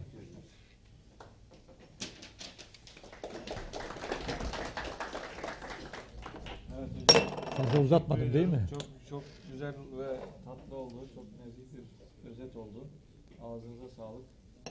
Çok istifade ettim. Estağfurullah. Ee, Türkiye Cumhuriyeti'nin ses mi? Ses. Türkiye Cumhuriyeti'nin bugüne kadar gelmiş olduğu demokratik mücadelesini ve sürecini çok e, böyle sade ve sağlıklı bir şekilde izah edilmiş oldu. Ee, Tabi burada e, geçiş dönemlerinde rejimin tıkandığını ve e, rejimin restorasyonu açısından bir darbenin çözüm olarak ortaya çıktığı gerçeği ortada. Tabi burada demokrasinin seçilmesinin halkın lehine mi yoksa rejimin devamı konusunda mı demokrasi e, tercih edildi? E, halkın demokrasiyi benimsememesinin nedeni acaba bu mu? E, böyle bir soruyla başlayalım. Valla bu kişilere göre değişir. Ben demo- şahsi- demokrasinin erdemine inanan insanlardanım. Yok, Demokrasinin demokrasinin Türkiye Cumhuriyeti tarafından tercih edilmesi, halkın değerlerine saygı, halkın değerlerini iktidara taşımak anlamında bir tercihten dolayı değil acaba mevcut korucu iradenin, rejiminin sürekliliğini e, devam ettirmek adına bir demokrasinin tercihi mi Demo- acaba? Yani demokrasiyle hayır. Şimdi şöyle bakalım. Kendi Demokrasiyle iç içe birbirini nakseden yaklaşımlar var ama Türkiye'deki halkın benimsememesi acaba bundan mı kaynaklı? yani demokrasinin benimsenmediği şeklinde bir e, bir e, kanaat biraz problemli bir gibi gibi geliyor. Evet bir takım konularda benimsenmeyenler de var ama genel olarak e, halkın demokrasiyle bir sorun olmadığını düşünenlerdenim. E, yani Cumhuriyet'in başındaki standartların, ilkelerin, e, düşüncelerin, ideolojik tercihlerin demokrasiyle birlikte yaşayabileceği şeklinde düşünülmüş olabilir mi? Olabilir ama neticede e, demokrasiler e, toplumsal e, talepleri, istekleri e, yukarıya taşıyan ve e, iktidarı kullanma noktasında olan kişilerin toplumun temsilcileri olmasını gerektiren bir husustur. Bundan dolayı e, yani Cumhuriyet ideolojisini benimsemiş, Kemalizmi benimsemiş bir siyasi parti olabilir. O eğilimde Kemalist olan bir sürü insan var. Cumhuriyet ideolojisini benimsemiş bir sürü insan var. Ama buna karşı buna eleştirel bakanlar da var. O sebeple pluralist, çoğulcu bir toplumun varlığına e, inanıyorsak e, ki kendi tarihimiz, kültürel geçmişimiz buna inanmamız gerektirir diye düşünüyorum. E, demokrasinin e, sorunlarına rağmen e, en e, makul sistem olduğunu düşünüyorum. Toplumun da bunun farkında olduğunu sanıyorum. Ee, benim teşekkür ederiz öncelikle. İki tane sorum var benim. Ee, birincisi 60 darbesi öncesi yaşanan süreçte Adnan Menderes Celal Bayar'a göre daha ılımlı davranırken Adnan Menderes ve iki bakan idam edildi. Ama Celal Bayar'ın idam cezası geri alındı. Bunun temel sebebi neydi?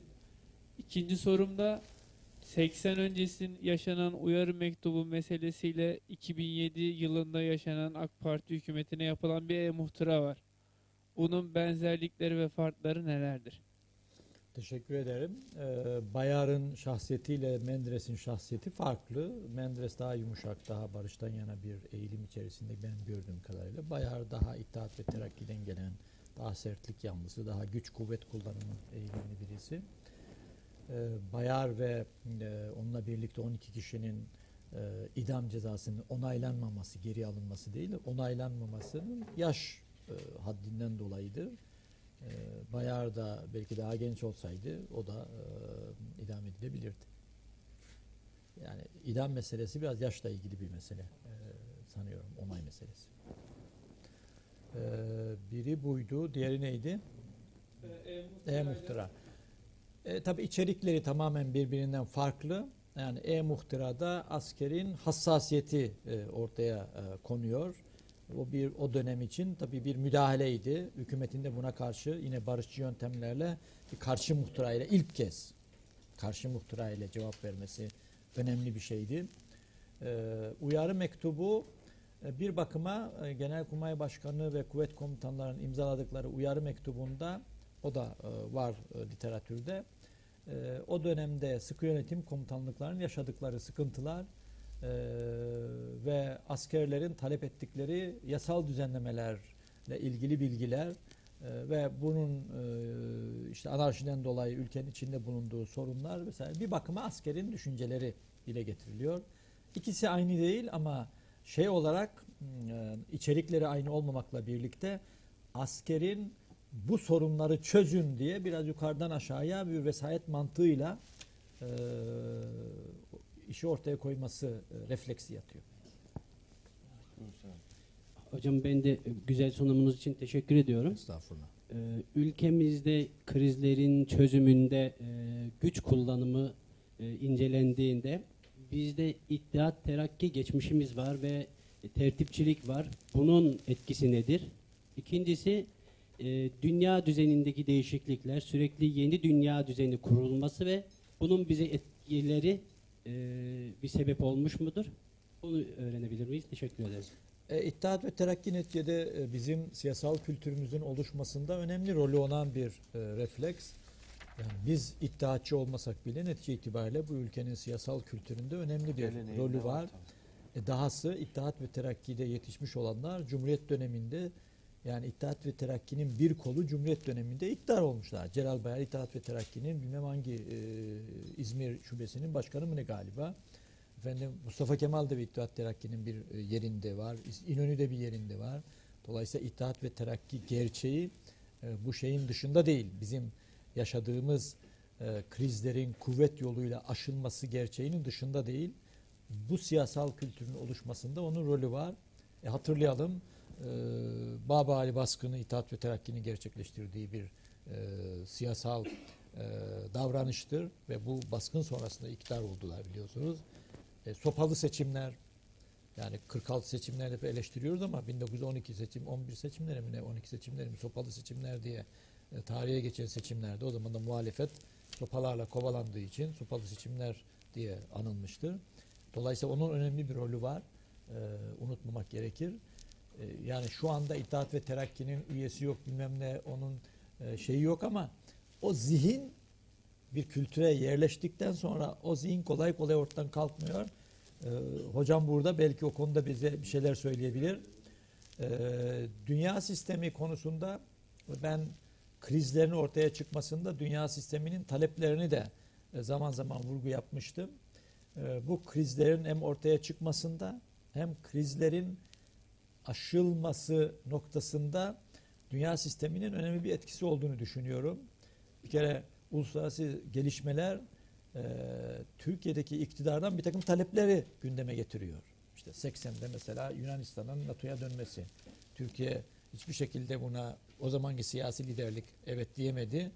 Darbeden sonra ilk yapılan şey işte Alexander Hagen Türkiye'ye gelerek efendim e, evreni te- e, tebrik etmesi ve evreninde ilk iş olarak Yunanistan'ın Tür- şeye dönmesine evet demesi. Dolayısıyla e, NATO'ya dönmesi. Yani uluslararası sistemin de önemli bir refleksi var. Bu darbelerin meydana gelmesinde ulu, tabi uluslararası sistem şöyle bakıyor sanıyorum. Normal siyasi, sivil siyasi liderlik uluslararası sistemin beklentilerini olumlu karşılamadığında bu e, beklentileri olumlu karşılayacak olan askeri yönetim vesaire yönetimin gelmesini de evet diyebiliyor. E, nitekim 80'de galiba değil mi? Bizim çocuklar işte bilmem ne hikayesi. E, Şimdi 15 Temmuz aynı şekilde. Tabii 15 Temmuz hep konuşuyoruz da 15 Temmuz'la ilgili uluslararası sistemin beklentisi neydi ki? Uluslararası sistem Türkiye'de mevcut iktidarın dışında yeni bir iktidar tasarladı. Bunu da belki konuşmak lazım bilemiyorum. Onun için uluslararası sistemi de şeyin dışında tutmamak gerekir. Kriz krizin dışında tutmamak gerekir. Krizin çözümü noktasında siyaset çözümsüzlük ortaya koyunca çözüm için yeni e, şeyler gündeme gelebiliyor. Bu 15 Temmuz'u e, siz açtığınız için oradan gidelim. 15 Temmuz darbesine yönelik uluslararası sistemin desteği olduğu ortada. Ama bazıları diyorlar ki 15 Temmuz darbesi devam ediyor. Şu andaki mevcut iktidar eliyle olağanüstü e, kurallar, kanunlar çerçevesinde darbenin gerekleri yapılıyor diye böyle bir yaklaşım var. Sizin yaklaşımınız nedir bu konuda? Bu konuda konuşmayacağım. Ama yani söylediğiniz gibi 1946'ya tekrar dönüldü. Tek parti e, inisiyatifi ortaya çıktı ve darbenin e, sürdürüldüğü ve bu konuda e, Yani henüz, sağlıklı Değerlendirme yapacak konumda değiliz gibi olarak- geliyor bana. Yani ama sağlıklı böyle işaretler var gibi kendi anladım adıma kendi adıma sağlıklı değerlendirmeler yapabilecek durumda değilim ben. Fakat şunu görüyorum. Türkiye'deki bu e, krizlerin aşılması noktasında e, siyasetin üstlendiği e, gelişme, e, üstlendiği davranışların ortaya koyduğu gelişmeyi çok önemsiyorum. Yani artık güç kuvvet kullanacak olan kesimler e, siyasi etkin siyasi liderlik karşısında başarısız oluyor. Bu Türkiye'de yaşanmamış bir şeydi. Doğru. Zaten bugün yani gelişme derken bunu kastediyorum. Umut, umut buradan. Bu önemli bir şey ama bu kurumsallaşmış değil. Acaba bundan sonra da e, devam edecek mi bu refleks yoksa bu tamamen Sayın Erdoğan'ın e, kişiliğiyle ilgili bir husus mu? Yani onun yanında bir başkası da aynı tavrı gösterebilecek mi? Aynı efendim yasal değişikliği gerçekleştirebilecek mi?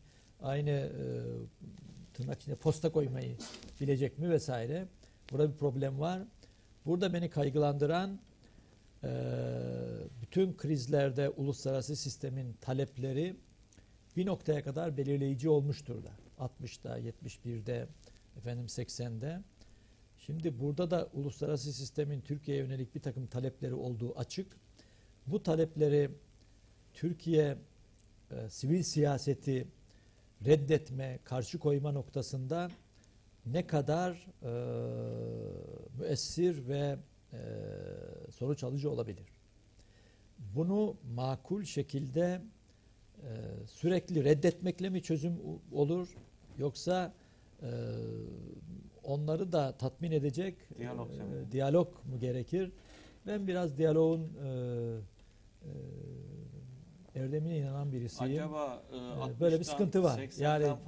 Affedersiniz Tamam. e, dünyaya sürekli e, parmak e, e, kaldırmak e, e, ve dünya sisteminin e, yanlışlığını, kötülüğünü e, dile getirmek hoşumuza gidiyor, güzel.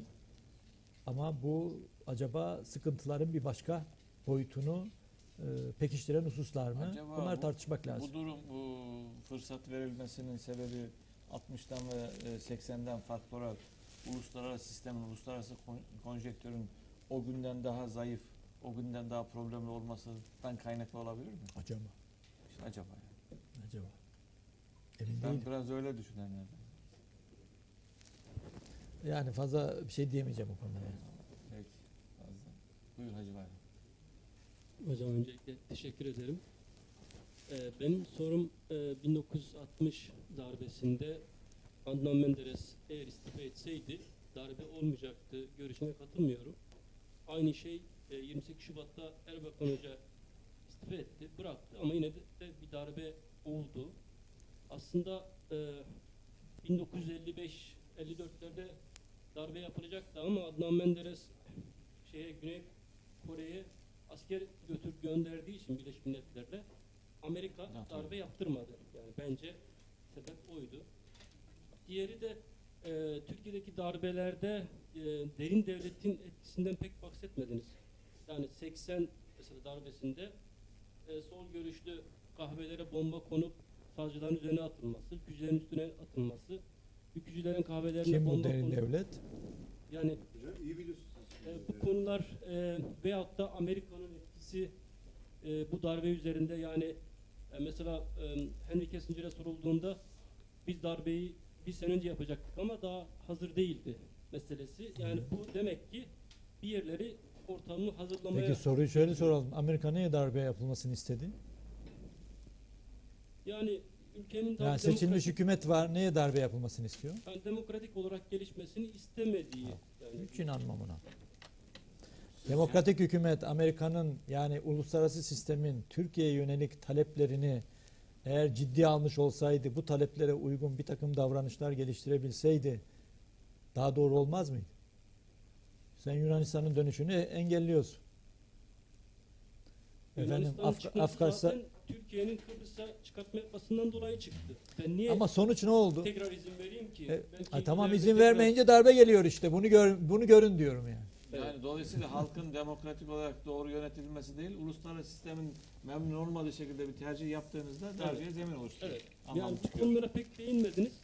Biz buradan sanki halkın e, kendi içerisindeki demokratik yapıdan dolayı seçilmiş insanların yaptığı yanlışlardan kaynaklanan sebeplerden dolayı ordunun kendi içerisinde düşünerek darbe yaptığını söyledik ve inanmıyorum. Yani ordu kafasına göre darbe yapmadı. O Siz kadar- benim ne anlatmak Bence istediğimi Amerika'nın- sanıyorum anlamadınız. Ben şunu demek istiyorum. Türk siyasetinde önemli gelişmeler ve değişmeler var. Bu gelişme ve değişmelerin en önemli iki ayağı var diyorum. Bunlardan biri siyasi liderliğin daha önceki krizlerde davranan ve sorun çözemeyen siyasi liderliğin etkin bir siyasi liderlik olarak evrilmiş olması. Bunun örneklerini verdim. İkincisi kriz çözme konusunda daha önce güç ve kuvvet kullanılırken şimdi güç ve kuvvet kullanmaya ihtiyaç bırakmadan siyasi liderliğin demokratik yöntemleri kullanarak krizleri çözme yönünde bir gelişmenin olması. Benim temel sorunum bu iki husus. Elbette ki bütün bunlar şeyi açıklamaz Türk siyasetini. Biz bir soyutlama yapıyoruz. Soyutlama yaparken diğer şeyleri bir tarafa koyuyoruz. Bu iki hususu öne çıkarmak için bir takım argümanları kullanıyoruz. Elbette bunun içerisinde Türk-Amerikan ilişkileri bir tartışma konusu yapabilirsiniz. Bununla açıklayabilirsiniz bazı şeyleri. Bunlar içerisinde sizin e, dediğiniz derin devlet ne demekse o derin devlet e, onunla izah edebilirsiniz. Ne bileyim medyanın tutumuyla izah edersiniz. Başka bir hususla izah edersiniz. Onlar ayrı bir tartışma konusu. Benim temel meselem darbeler değil. Bu toplumda yaşanan krizleri neden siyasal aktörler demokratik Sağlıklı yöntemlerle çözemiyor? Temel sorun bu. Demokratik yöntem yani 1980'de erken seçim kararın alınmasının önünde kim dedi e, Milli Sanavet Partisi'ne, Cumhuriyet Halk Partisi'ne erken seçim teklifine evet demeyin kriz darbe olsun. De- derin devlet mi dedi bunlara? Erken seçim kararı alsalardı darbe olmayacaktı. Evet. Peki. Teşekkür ederiz. Buyurun. Ben şunu sormak istiyorum. Ee, darbeler ve Türkiye'deki siyasal sürecin evrimsi, evrimleşmesinde, demokratik kültürün yerleşmesinde aktörleri aktarırken, sunarken sanki sivil toplum kısmı biraz eksik mi kaldı acaba? Türkiye'de bu konuda bir sivil toplum oluşabildi mi e, geçmişten günümüze? Demokrasinin çünkü en önemli koruyucu e, unsurlarından bir tanesi sivil toplum olduğunu Tabii. ee, Türkiye'de bu sivil toplum oluşabildi mi? Oluşamadıysa niye oluşamıyor? Günümüzde de yani şu an mevcut siyasi konjonktürde de bunun e, bir, bunu bir problem olarak görüyor musunuz? Teşekkür ederim. Vallahi şimdi sivil toplum meselesi ayrı bir tartışma konusu. Oraya girmeyelim isterseniz. E, Bu işin içerisinde toplum yok mu derseniz toplum elbette var. Toplum e, ben e, şeylerden birinde sanıyorum toplumun mobilize edilmesi diye bir, bir kavram kullanmıştım. Oradan kastettiğim siyasi liderlerin kendi seçmenini mobilize etme noktasına. Darbeler karşısında, krizleri çözme noktasında, güç ve kuvvet kullanımının engellenmesi noktasında toplumu mobilize ediyor. Mesela Sayın Erdoğan toplumu işte o telefon görüşmesiyle mobilize etti. Bu önemli bir şey ve toplum buna da destek verdi. Sivil toplum destek verdi. Ama bu sivil toplum dediğiniz toplum gerçekten sivil bir toplum mu? Burada teorik Evet. ciddi problemler var. Şimdi dün bir toplantıdaydım. Vakıflar, derneklerle ilgili bir tartışma vardı. Adını vermeyen bir dernek söz konusu oldu. Ben dedim nasıl finanse ediyorlar bu faaliyetleri? Oradan birisi biraz sırıtarak dedi ki hocam gayet kolay dedi. Ne dedi problem yapıyoruz? Hayır dedim. Ya belediye ödüyor dedi kiralarını. E, belediye ödüyorsa nasıl sivil toplum örgütü oluyor dedim. Ya işte filan. E, sivil toplum biraz böyle sivil toplum. Kusura bakmayın. Böyle bir sivil toplum diye bir sivil toplum olmaz. İktidar, iktidardan, iktidardan efendim e, işte bir takım e, maddi şeyleri devşirmek için sözde sivil toplum. Bu sivil toplumdan bir numara çıkmaz. Gerçi. Ama küçümsemiyorum. Elbette ciddi sivil toplum kuruluşları da var. Bunu da haksızlık etmeyelim. Toplum bu işin içerisinde tabii ama siyasi liderlikçe harekete geçirilmeyen bir toplumun kendi kendine hareket etme şansı yok. Sayın Erdoğan o telefon konuşmasını yapmamış olsaydı vatandaş sokağa çıkacak mıydı? Çıkmıştı hocam. Çıkmıştı ama sonuç alacak mıydı? Bunları bilemeyiz ki. Ee, bizim işimiz bunları değerlendirmek. Açıkçası e, Yani ben ben şu kanaatteyim. Ee, Farklı olabilir. Sayın Erdoğan eğer tutuklanmış, yurt dışına çıkmış veya başına bir şey gelmiş olsaydı, o çağrısını yapmamış olsaydı bu şeyin e, darbe teşebbüsünün başarısı söz konusu olabilirdi. Tamam, sırayla. Yani bu bunu bunu unutmayın. Ee, Sayın Erdoğan ne dedi? Ben dedi kefen giyerek buraya çıktım. Sonuna kadar mücadele, vatandaşı davet ediyorum. Ben de geliyorum dedi. Hocam onu tabii ki unutmuyoruz da. Bu önemli. Yusuf Bey, Bu önemli. Yok, sırayla. Sonra Özcan Bey. vermiş olduğunuz bilgiler için ve e, vizyonumuzda yapmış olduğunuz aydınlatmalar için önce rica çok ederim. çok teşekkür Bilinen ediyorum hususlar size. bunlar. Eksik olmayı rica ederim. Şimdi e, şöyle düşünüyoruz. E, dünyada demokrasinin beşiği olarak hep İngiltere'yi kabul ediyoruz. Ve baktığımız zaman oradaki siyasi liderlerin kendi aralarındaki veya parlamentoda yapmış olduğu görüşmeler hakikaten bir muhabbet içerisinde ve e, karşılıklı olarak fikir alışverişiyle oluyor. Kimse kendi benliğini orada pek fazla ön plana çıkarmıyor. Ama Türkiye'de sanırım bütün bu e, çatışmaların, siyasi çatışmaların sebeplerinden en fazla benim gözüme çarpan ve öyle inandığım şey de bizlerin içerisindeki bu benlik ruhundan kurtulaş, kurtulamadığımız oluyor diye düşünüyorum. Çünkü bir insan belli bir noktaya geldikten sonra, kazandıktan sonra artık benim dediğim en doğrusudur diyor. Başka birisinin düşüncesine pek yeteri kadar saygı göstermiyor. Kendi aklına koyduğu veya kendi çizdiği doğru. Diğerleri de şöyle bir problem olduğu zaman İngiltere'yi örnek olarak verdim misal olarak iktidarıyla muhalefetiyle bütün dünya karşısında gene o fikrin içerisinde milli menfaatleri korumak için birleşiyorlar. Doğru mu hocam? Ama Türkiye'de sanki bir muhalefet veya iktidar bir şey söylediği zaman öbür taraftan muhalefet onu dünyaya jurnallemek için veyahut da e, Türkiye'nin kendi menfaatlerine, milli menfaatlerine aykırı gelecek e, şeyleri e, e, gizli kaynakları gayet kolaylıkla dış ülkelere servis yapın. Yani bu MİT tırlarında olsun, e, ne bileyim e, yani şu anda aklıma fazla gelen bir şey yok ama e, şöyle bir bir literatür karıştırılacak olsa sayılarca, yüzlerce böyle e, uygulamalar oluyor. Yani kendi şahsi menfaati için bir muhalefet eğer iktidarda değilse Türkiye veyahut da milletin bassın ama benim dediğim olsun gibi bir düşünce yapısındayız. Evet. Biz bu düşünce yapısını acaba nasıl değiştirebiliriz? Sorunu burada ele alabilirsek, burada buna bir çözüm bulabilirsek belki ileride daha uygun olabilir. Bu da biraz eğitimden, milli şuurun insanlarımıza Evet, cevabını hocamıza alalım inşallah. eee, en gerekli olan hususlardan birisi diye düşünüyorum. Bu konuda esas hedefi ve bu konuda eee, bu hedefe doğru gitmek için ne yapabiliyorsak onun istişaresini yapsak, onun çözümünü bulsak. Ya şu Avrupa'ya gidiyorsunuz, dünyanın sadece Avrupa değil, Singapur'da olsun, başka ülkelerde olsun, sokakta gezdiğiniz zaman herkesin elinde bir kitap, bir gazete, bir şeyler okuyor. Okudukça zihni açılıyor ve düşünce potansiyeli genişliyor. E biz de bir farka gittiğimiz zaman e, yani mumla arıyorsunuz bir, e, bir insanın, bir vatandaşın okurken görmek için. Ya e, melayı bir şeyler okur, ya oyun oynar. Böyle bir toplum haline geldi. Televizyondaki diziler keza hepimizi tamamen e, milli şuurdan uzaklaştıracak, aile şuurundan, aile sevgisinden uzaklaştıracak bir e, yapıda. Bunların çözümünü nasıl yapacağız? Peki. Teşekkür ederiz. Bende çözüm yok. Çözümsüz Özcan ne olacak verelim. yani? Mustafa. Yani bu bir e, çözüme ulaşmak için bir hedef mi Mustafa da sonrası. hocam?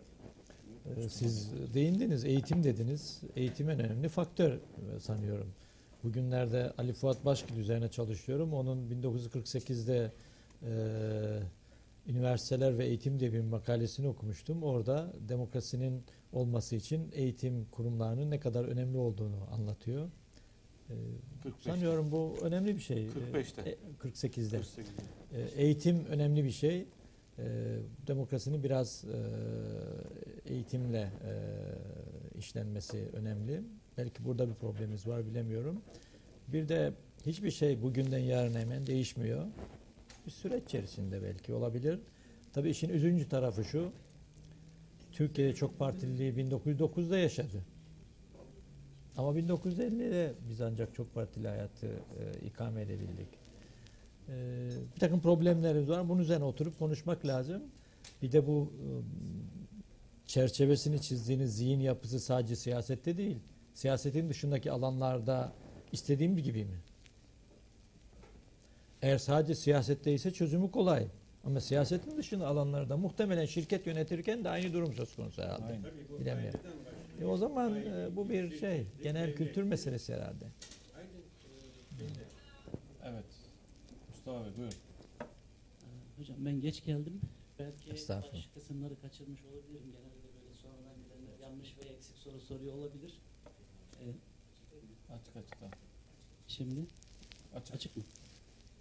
Ee, ben bu e, siyasi liderlik konusunda e, darbeleri anlatırken e, başarılı Yakın tut. liderlik örnekleri verdiniz.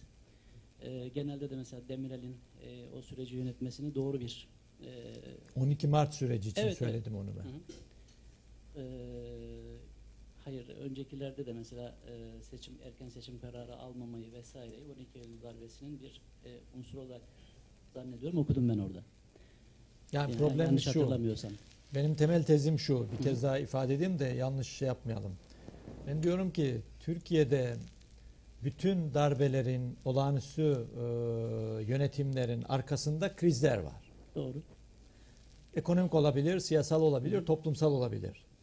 Bu krizleri normal demokratik yöntemlerle ve demokratik usullerle siyaset çözemiyor. Doğru. çözemediğinden dolayı o krizlerin aşılması güç ve kuvvete kalıyor. Eğer biz demokratik yöntemleri bizim siyasi liderliğimiz, siyasi elitler e, sağlıklı bir şekilde kullanır, krizleri demokratik yöntemlerle çözme konusunda bir başarı kazanırlarsa güç ve kuvvet, kuvvet kullanıma gerek olmaz. Ondan dolayı konu biraz siyasal liderlik konusu ve e, darbelerin problem çözücü bir yöntem olarak görülmesinden kaynaklanıyor. Bu da bir zihinsel problem diyorum. Ya, Ben demek istediğim bu. katılıyorum. Burada e, bir problem Bu gözükmüyor. diğerleri verdiğim örnekler sadece. Ee, yalnız arkadaşımız soru sorduğunda bu Yunanistan meselesi, Yunanistan'ın dönmesi konusu e, orada Amerika'ya e, atıfta bulunarak e, yani onların mesajını doğru algılamakla ilgili bir cümle sarf ettiniz. Bu ikisini Evet. vesaire birleştirdiğim zaman enteresan bir şey çıkıyor ortaya. Evet. Yani bu bizim temel e, inançlarımızı sorguluyor.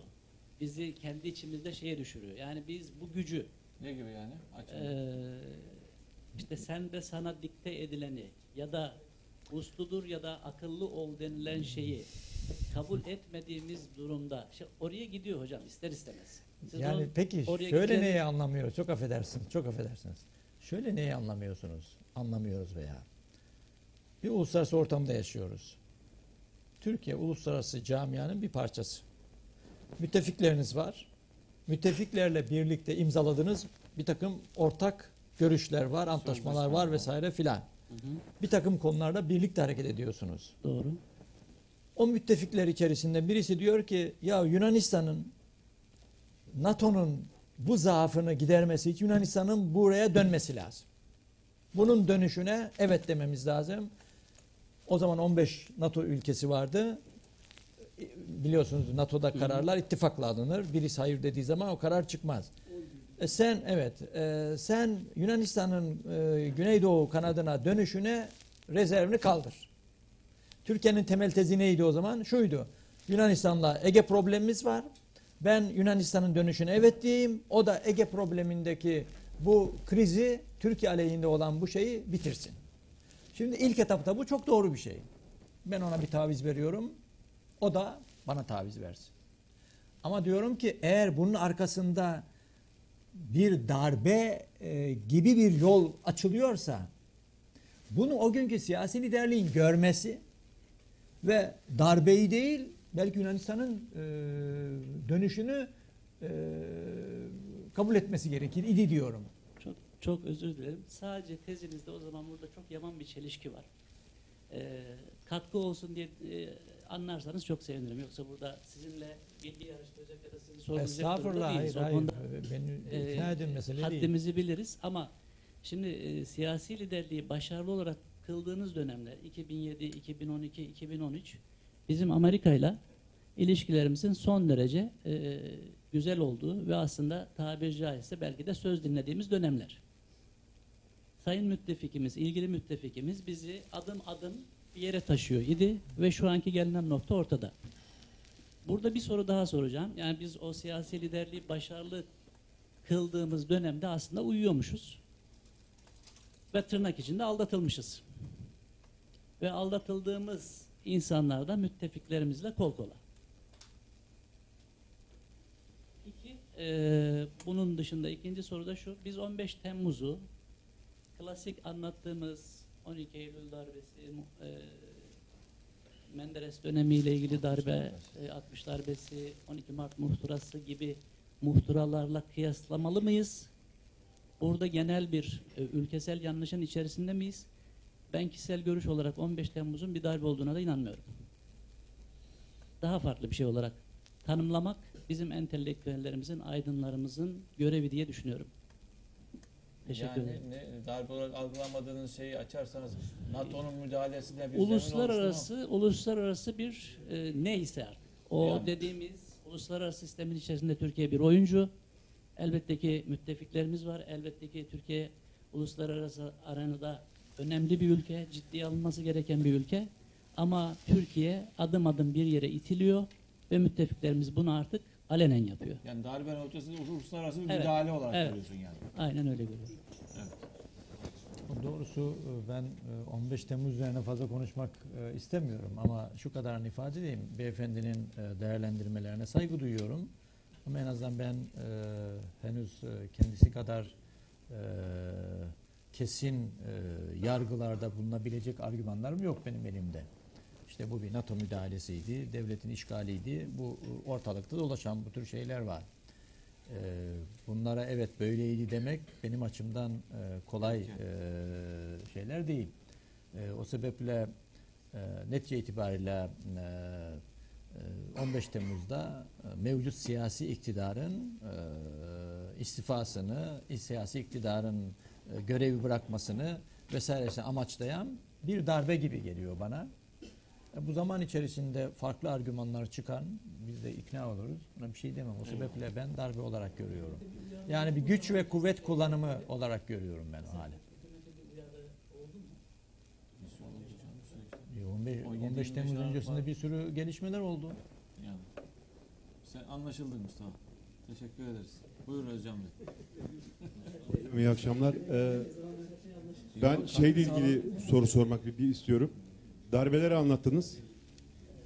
Demireli, Kenan Evren'i, baba akşam onları çok sizden dinledik. Yani e, Demirel'in çok başarılı olduğunu söyledin. Yani ben 12 Mart için Pardon. söyledim ben onu. Bakın. pardon hocam. Ee, devam Gerçi edeyim. ben 28 Demirel'i Türk Şubat'ta- siyasetinin 28 en başarılı Şubat'ı- kişisi olarak Siyaset- görürüm. Hocam- o da ayrı bir şey. Pardon. 28 şu, şu- Şubat'a hiç de, de, de- değinmediniz. Erbakan'ın da bu ülkede hiç e, katkısı olmamış gibi bir hava verdiniz. Yani çünkü onunla ilgili hiç e, e, şey yapmadınız.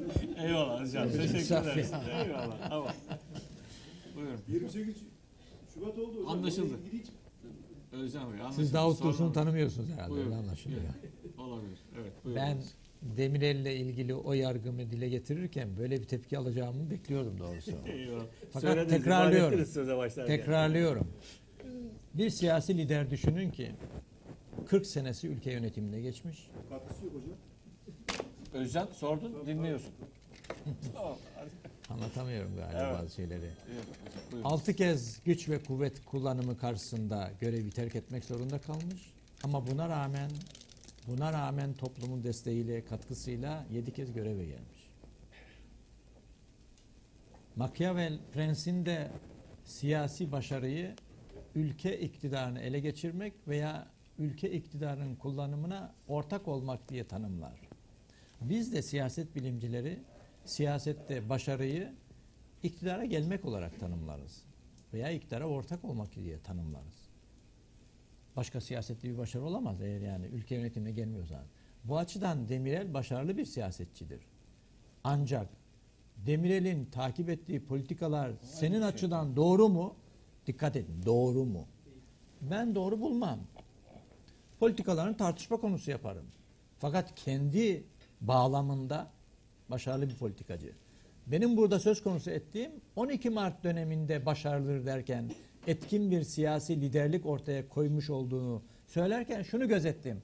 Demirel 71 12 Mart'ından önce bu anayasayla devlet yönetilmez. Her yerde bunu söylüyordu. Efendim işte üniversiteler özerk böyle bir şey olabilir mi? TRT özerk böyle bir şey olabilir mi? Hep bu tartışılırdı. Anayasayı değiştirmek istiyordu.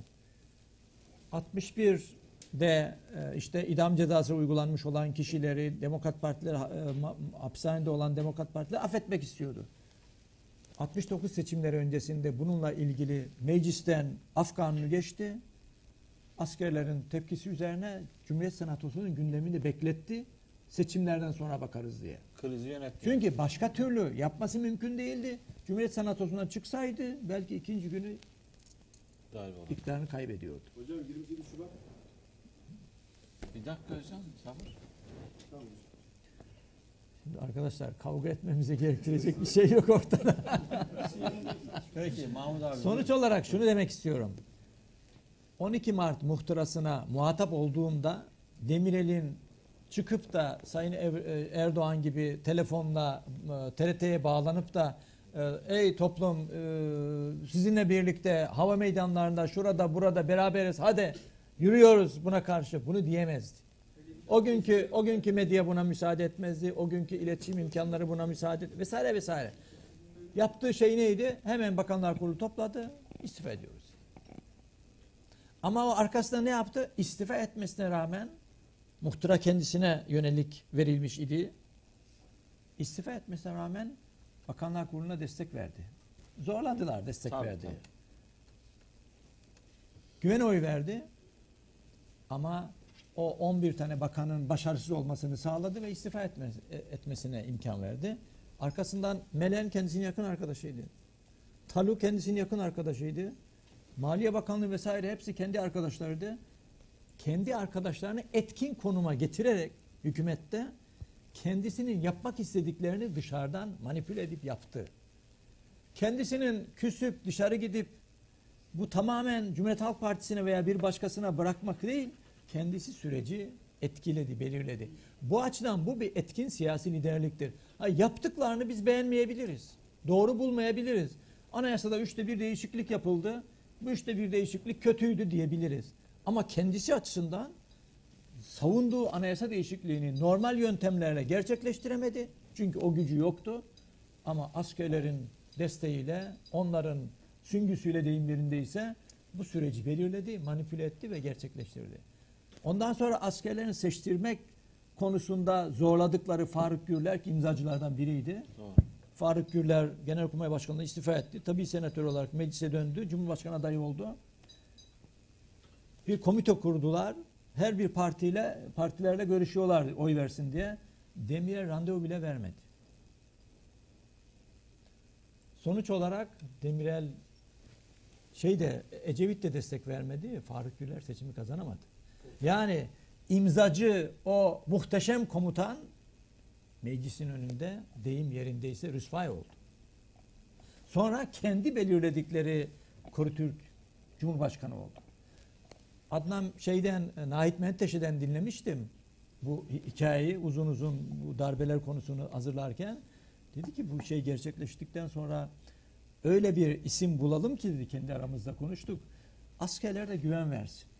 Arkadaşım biri şeyde çıkarken asansörde çıkarken dedik ya burada tabii senatörlerden bir Faruk Gürler diye bir şey e, Koritürk. Koritürk'te biri var. Yumuşak şahsiyetli biri, liberal eğimli birisi. Buna askerler de muhtemelen karşı çıkmaz. İster, isterseniz bunu düşünelim dedik. Hemen oturduk, karar verdik. Aday olarak teklif ettik. Ve askerler de sesini çıkarmadı. Şimdi bu bence, tekrarlıyorum. Bu tavır doğru yanlış onu tartışmıyorum. Bu tavır bir siyasi için önemli bir siyasi liderlik örneğidir diyorum. Bu açıdan Demireli ve ekibini o gün bunu gerçekleştirmiş olmakla başarılı buluyorum. Demokratik yolları kullanarak Faruk Gürler'i Cumhurbaşkanı seçtirmedi. Kendi belirlediği adayı Cumhurbaşkanı seçtirdi. Anayasa sürecini etkiledi ve kendi istedikleri anayasa değişikliklerini gerçekleştirdi. Bu bana göre başarılı bir liderlik örneğidir. Benim verdiğim örnek buydu. Evet. Ha, 28 Şubat meselesine gelince bu analizde 28 Şubat üzerine durulamaz mıydı? Durulabilirdi. Doğrusu ben de bir ara kendi kendime acaba 28 Şubat'ı da buraya dahil etsem demedim değil. Ama unutmayın ki belli bir vakit içerisinde bunun toparlanması gerekiyordu.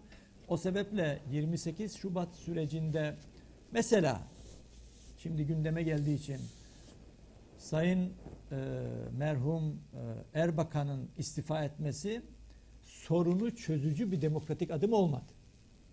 Çünkü onlar kendi içerisinde anlaştılar. Kendi istifa edecekti ve Tansu Hanım. Tansu Hanım'a gelecekti. Burada kendilerine oyun oynanacağını düşünmediler. Mesela bunu yapmadan önce erken seçim kararı alınabilirdi. Erken seçim kararı alamadılar. Erken seçim kararı alınmış olsaydı muhtemelen bu süreç yaşanmayabilirdi diye düşünüyorum. Her bir konu denir bir konu. Evet. Teşekkür ederiz. Buyurun Mahmut. Hocam vakit çok ilerledi ama Evet. hayırlı akşamlar diliyorum. Sizi zevk dinledim. Size muhalefet ettiğimi biliyorsunuz. Yani halk her konuda Biz reşit muhaliflere dediniz de, tahammülüyüz. Şimdi e, beyefendi İngiltere'li bir örnek verdi. O da benim de aklıma bir şey geldi. Hatırlarsınız yıllarca önce Türkiye'de bir dizi vardı Emret Başbakanı. Orada başbakanın Şey, İngiliz diyor ki, dizisi o. Diyor ki biz filan şeyi böyle yapacağız. Ama diyor parlamento kabul etmez. Ya diyor parlamento değil ne ki diyor 300 üyesi var. Yüzü bunaktır, yüzü genç ve toydur. 100 tane akıllı başlı var.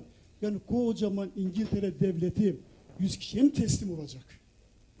Ben burada şuna gelmek istiyorum. Diyorum ki halk her zaman isabetli karar vermeyebilir.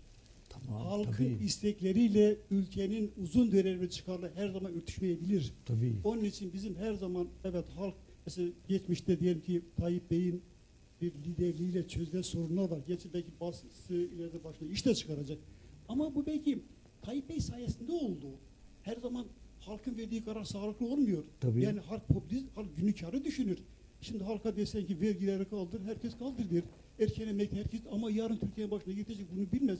O konuda peki nasıl olacak? Siz benim dediniz de zor mu olsun, siyasi şey mi? E, siyasi elitimiz güçlü değil. Benim aklıma geçen boş, belki hayaldir ama diyorum ki Türkiye'nin bir derin devleti olmalı. Bir üst akıl olmalı.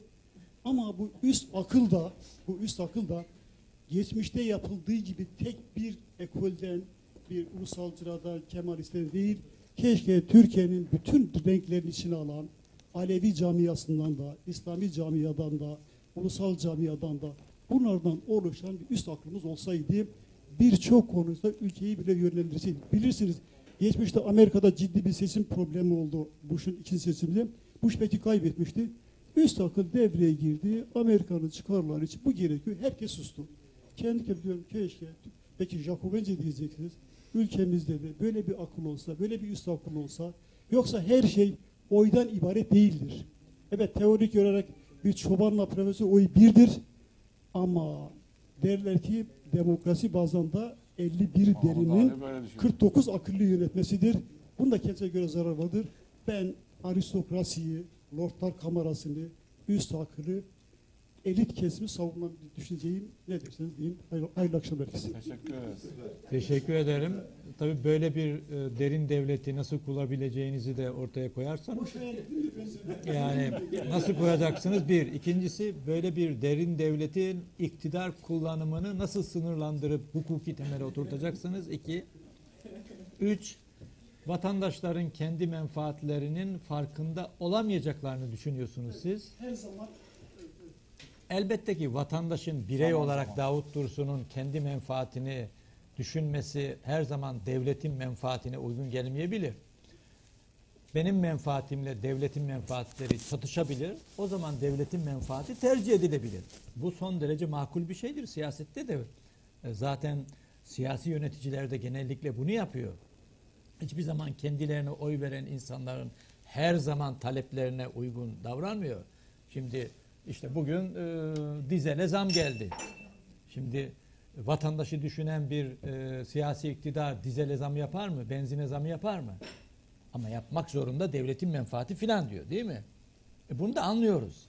Ama netice itibariyle biz diyoruz ki biz kendi menfaatimizin farkındayız. Bizim menfaatimizi en iyi dile getirecek, temsil edecek olan kişiyi biz seçmeliyiz. Seçtiğimiz kişiler iktidarın kullanımında bizim aleyhimize olabilecekler konusunda ilgililere soru sormalı, onları mümkün olduğu kadar frenlemeli, onların yanlışlarını e, ortaya çıkarmalı, doğru hareket etmelerini sağlamalı. Bugünkü tartışmamız ne? Efendim işte e, iktidar her şeyi yapıyor ama bu iktidarın yaptığı yanlışlara hiçbirisi dur diyemiyor. Bugün derken Türkiye'yi kastetmiyorum, genel söylüyorum. E, dolayısıyla e, biz demokratik süreçlerden e, hayır diyemeyiz. Vazgeçemeyiz. Ha, derin devlet e, tabii bu e, ne olduğu belli olmayan bir şey üzerine tartışmayı yürütüyorsunuz. Derin devlet dediğini bürokratlarsa başka Kamu bir şey. Askerlerse başka bir şey. Kamu vicdanı nasıl bir derin devlet oluyor? O da başka bir şey. Evet. Efendim? her şey üç kişi mi yapacak? Evet. E, bazen Evet. bazen üç kişi yapar. Şimdi Sayın Cumhurbaşkanı'nın e, yaptıkları bazen tek kişinin yaptığı oluyor. Vatandaş da kabul ediyor. TEOK sınavı Sayın Cumhurbaşkanı'nın hayır demesiyle kalkmadı mı? Ama bunun doğru olduğunu ispatla yok. E yok tabii. Yani Sayın Cumhurbaşkanı'nın bütün adımları doğru mu? Sana göre doğru olur, bana göre yanlış olur. Bir başkasına göre doğru olur, bir başkasına göre yanlış. Çünkü menfaatlerimize farklı yansır. Ama o doğru olduğuna inandığı için yaptı. Yani yanlış olduğuna inandığı için bunu yapmış değil. Evet hocam. Doğru olduğuna inandığı Peki. için yaptı. Teşekkür ediyoruz. 20 dakika geciktik. Son olarak üstadım size buyurun. Hocam benim de söyleyecek bir sorum yok. Ben hocamı bir dikkat dinlemeye, anlamaya çalıştım. Ee, ama ısrarla bunu, Katkınız olsun diye. bunu istediniz. Belge sırası değil ama eğer arkadaşlarım beni yanlış anlarsa yine aklıma bu tür toplantılarda yaşadığım bir şey geldi, bir e, düşünce geldi ya da aynı şeyi gözlemliyorum burada. Zannediyorum büyük oranda biz konuşmacıları dinlerken kafamızdaki fikirleri adeta pekiştirecek e, bilgilere e, önem verdiğimiz kadar ona aykırı olan düşünceleri ya da bir takım e, fikirleri, parantez içindeki bilgileri hemen karşıt tezleri ya da şeyleri geliştirmek, düşünceleri geliştirmek gibi bir yanılgı ya da bir davranış içinde yanılgı da demek belki yanlış olur. Oysa ben bütünüyle, hocamı bütünüyle, bütün açtığı parantezlerle bir bütünlük gücünde dinlemeye çalıştım. Ee, yoksa şüphesiz her biri ayrı ayrı tartışılabilir ki hocamın odaklandığı yeri belki çok fazla anlaşılmadığı kanaatindeyim ben. Bu alanda özel olarak bir şey söyleyeceğim. Ben hocamın konuşmasından sonra katkı gibi bir cümlenizi de tavsiye edeyim. Gerçekten de bütün samimiyetimle bunu söylüyorum. Ee, edep ederim. Bunu isra- samimi olarak söylüyorum. Ben 20 sene önce e, siyaset sosyolojisi dersini verirken, vermek isterken ya da bana verilince ben hocamın da katkılarıyla bir okuma metni, bir literatür onunla bir tür tanışmanlığına diyebilirim oluşturdum. Ve itiraf edeyim bugün yaşım 60 ise o gün 40 yaşındaydım. İlk kez bugün hocamın anlattıklarını bir parça görmeye çalıştım. Hocam olayı büyük oranda e, iktidar partisinin muhalefete tahammülsüzlük üzerinde e, meseleyi odaklaştırırken, tarihsel süreçte de bu şeyi çizgi üzerinde süreci verirken bir iki cümlede geçti, bir iki yerde geçti. Belki orayı da açmamız lazım. Hem buradaki durumu hem de o söz konusu iktidar partilerinin neden öyle davrandıklarını anlamamız için. Ee, hocam darbe konularında ısrarla vurguladı onu Hürriyet Gazetesi'nin örneğinde. Evet darbeleri meşru bulan ya da davetiye çıkaran Hürriyet Gazetesi de sadece bir klik mi diyelim bir özel şeyin e, sözcüsü Öyle. değil. Müthiş bir toplumsal talep ve desteğin olması. Beklentinin olması. Ee, hatta bunu şöyle bir örnekle kapatacağım. Buranın görülmesini istiyorum. En azından ben kendime çıkardığım ders bu oldu. Bazen iktidar partilerinin muhalefetin isteklerine karşı benim za- za- acizane kanaatim karşılama haklı ve meşru da olsa karşılamadaki kararlarını etkileyen en önemli unsurlardan bir tanesi kendi seçmenleri tarafından adeta haklı da olsa bunun taviz olarak görülebilme, görülme riski. Hocam bir yerde bir posta kelimesi kullandı, posta koyma. Hemen hemen her birimiz eee, doğruları sadece bizim partimiz yapması gerekir. Doğru da olsa muhalefetin eee, getirdiği bir istek ve talebi reddetmesini biz kabadayılık, erdem ya da posta koyma olarak görüyoruz. Yani aslında muhalefetin hoş görünmemesi, zihin eee, haritası ya da formu bizde de çok yüksek oranda var. Aslında o söz konusu iktidar partilerin davranışı da hani Birleşik Kapılar Kanunu diyelim buna bizden kaynaklanan bir şeydir. Yani yoksa onlar uzaydan gelmiş insanlar değil. Bu bağlamda kapatıyorum hocam affınızı istirham ediyorum. Estağfurullah efendim. Ee, söz konusu muhalefete tahammülsüzlüğümüzü e, önce kendimizde e, aramalıyız ya da tartışmalıyız ya da düşünmeliyiz. Bu hepimizde olan bir şey. Yoksa demin hocam bir yerde söyledi. Keşke bütün sorunlar iktidar muhalefet partileri ya da aktörlerinin zihin yapılarına kaynaklansaydı o sorun çözülürdü. Çok kolaydı. Bunun toplumsal temelleri var. Şu günde yaşadığımız süreçte şu günde yaşadığımız süreçte o zaman bir cümleyle daha uzatma riskini göz önüne alacağım. Ben bazen e, bazı konularda e, yaşanan bir takım hukuksuzları, hukuksuzlukları görüyorum. Evet. Buradan da hemen şunu söyleyeyim yani ben iktidarı da sorumlu tutmuyorum. Açık konuşayım hani bir vatandaş açıkçası bir e, alçak diyeceğim. Gidiyor beni şikayet ediyor ya da gidiyor X kişiyi FETÖ'cü diye şikayet ediyor. Bu bir ahlaksızlık. Bunun kaynağında bir toplumsal ahlaksızlık var. Savcı da diyor ki ben bunu şimdi tutuklamasam almasam yarın benim başıma bela olur, sorun olur. Kaldı ki hukuki görevi gereği onu bir bakması lazım. Arkadaş alınıyor içeri, altta birisine duruyor. Bunun üzerine gitmemiz lazım. Ben tam bu bağlanmasına çok yakın çevremde dedim ki bunlara ilgili bu yaşanan hukuki süreci de desteklemek yani iktidar da desteklemek adına bu tür haksızlıklara bizim karşı gelmemiz gerekir. Her şeyin hukuki çerçeveli olması gerekir. Neredeyse açıkçası mikro çevremde linç edildi. Biz de demokrasiye çok e, müsait bir topluma sahip değiliz. Bizim istek, beklenti ve benzeri dışında karşı tırnak içinde aslında hiçbirisi karşı. Hepsi bu memleketin, vatanın, evladı, nüfusu, şu su bu su. Kimsenin ötekisinden üstünü yok. Ona tahammül şeyimiz yok. Toleransımız yok. Ona yapılan, özellikle ben burada nerede bulunduğumu bilerek konuşayım. Müslümanlara özellikle vurgulayayım. Karşımızda gene yapılan haksızlıklara bizim karşı gelmemiz ahlaki dini bir vazifeyken muhalefet adı aldığında öteki olarak çoğunlukla biz de onlara karşı sesimizi çıkarmaz hatta destekleriz. Yoksa bunu sadece bir iktidar muhalefet ilişkisi olarak almayın. Aynı forma biz de sahibiz. Ben eee, özellikle buraya dikkatinizi sunarak Çok teşekkür ederim. eee, şeyi kapatayım, Çok sözümü teşekkür bitireyim. ederim hocam. Teşekkür ederim. Alır arkadaşlar al. Al sen lütfen. Çok teşekkür ediyoruz. Çok güzel. Evet. Hocam bütün bu sonuçlarında son slaytınız. O Biz umutluyuz. Sürecin iyi gittiğine inanıyorum ben şahsen. İnşallah. E, daha iyi olacak. Bu süreç içerisinde e, dünden daha iyi e, uluslararası müdahaleleri, uluslararası ilişkileri, şu andaki iktidarın e, doğru yaptığı, yanlış yaptığı şekilde açıkça e, arkadaşlar konuşabiliyor, düşünebiliyorlar. E, dolayısıyla bu katkılarınız için çok teşekkür ediyoruz. Rica ederim. Ayranıza sağlık. Yani umarım Ee, yanlış anlaşılmamışız. Yok yok. Saygılar Bu sunuyorum. hepsini, siz lütfen yanlış anlamayın. Karşılıklı bu bilgi alışverişi. Buradaki arkadaşların her birisi değerli. E, bu Aristokrasiye e, e, hayır demiyorum ben. Aristokrasiye. Tabii burjuvazi mensubu birisinin aristokrasiyi savunmasından daha doğal bir şey de yok.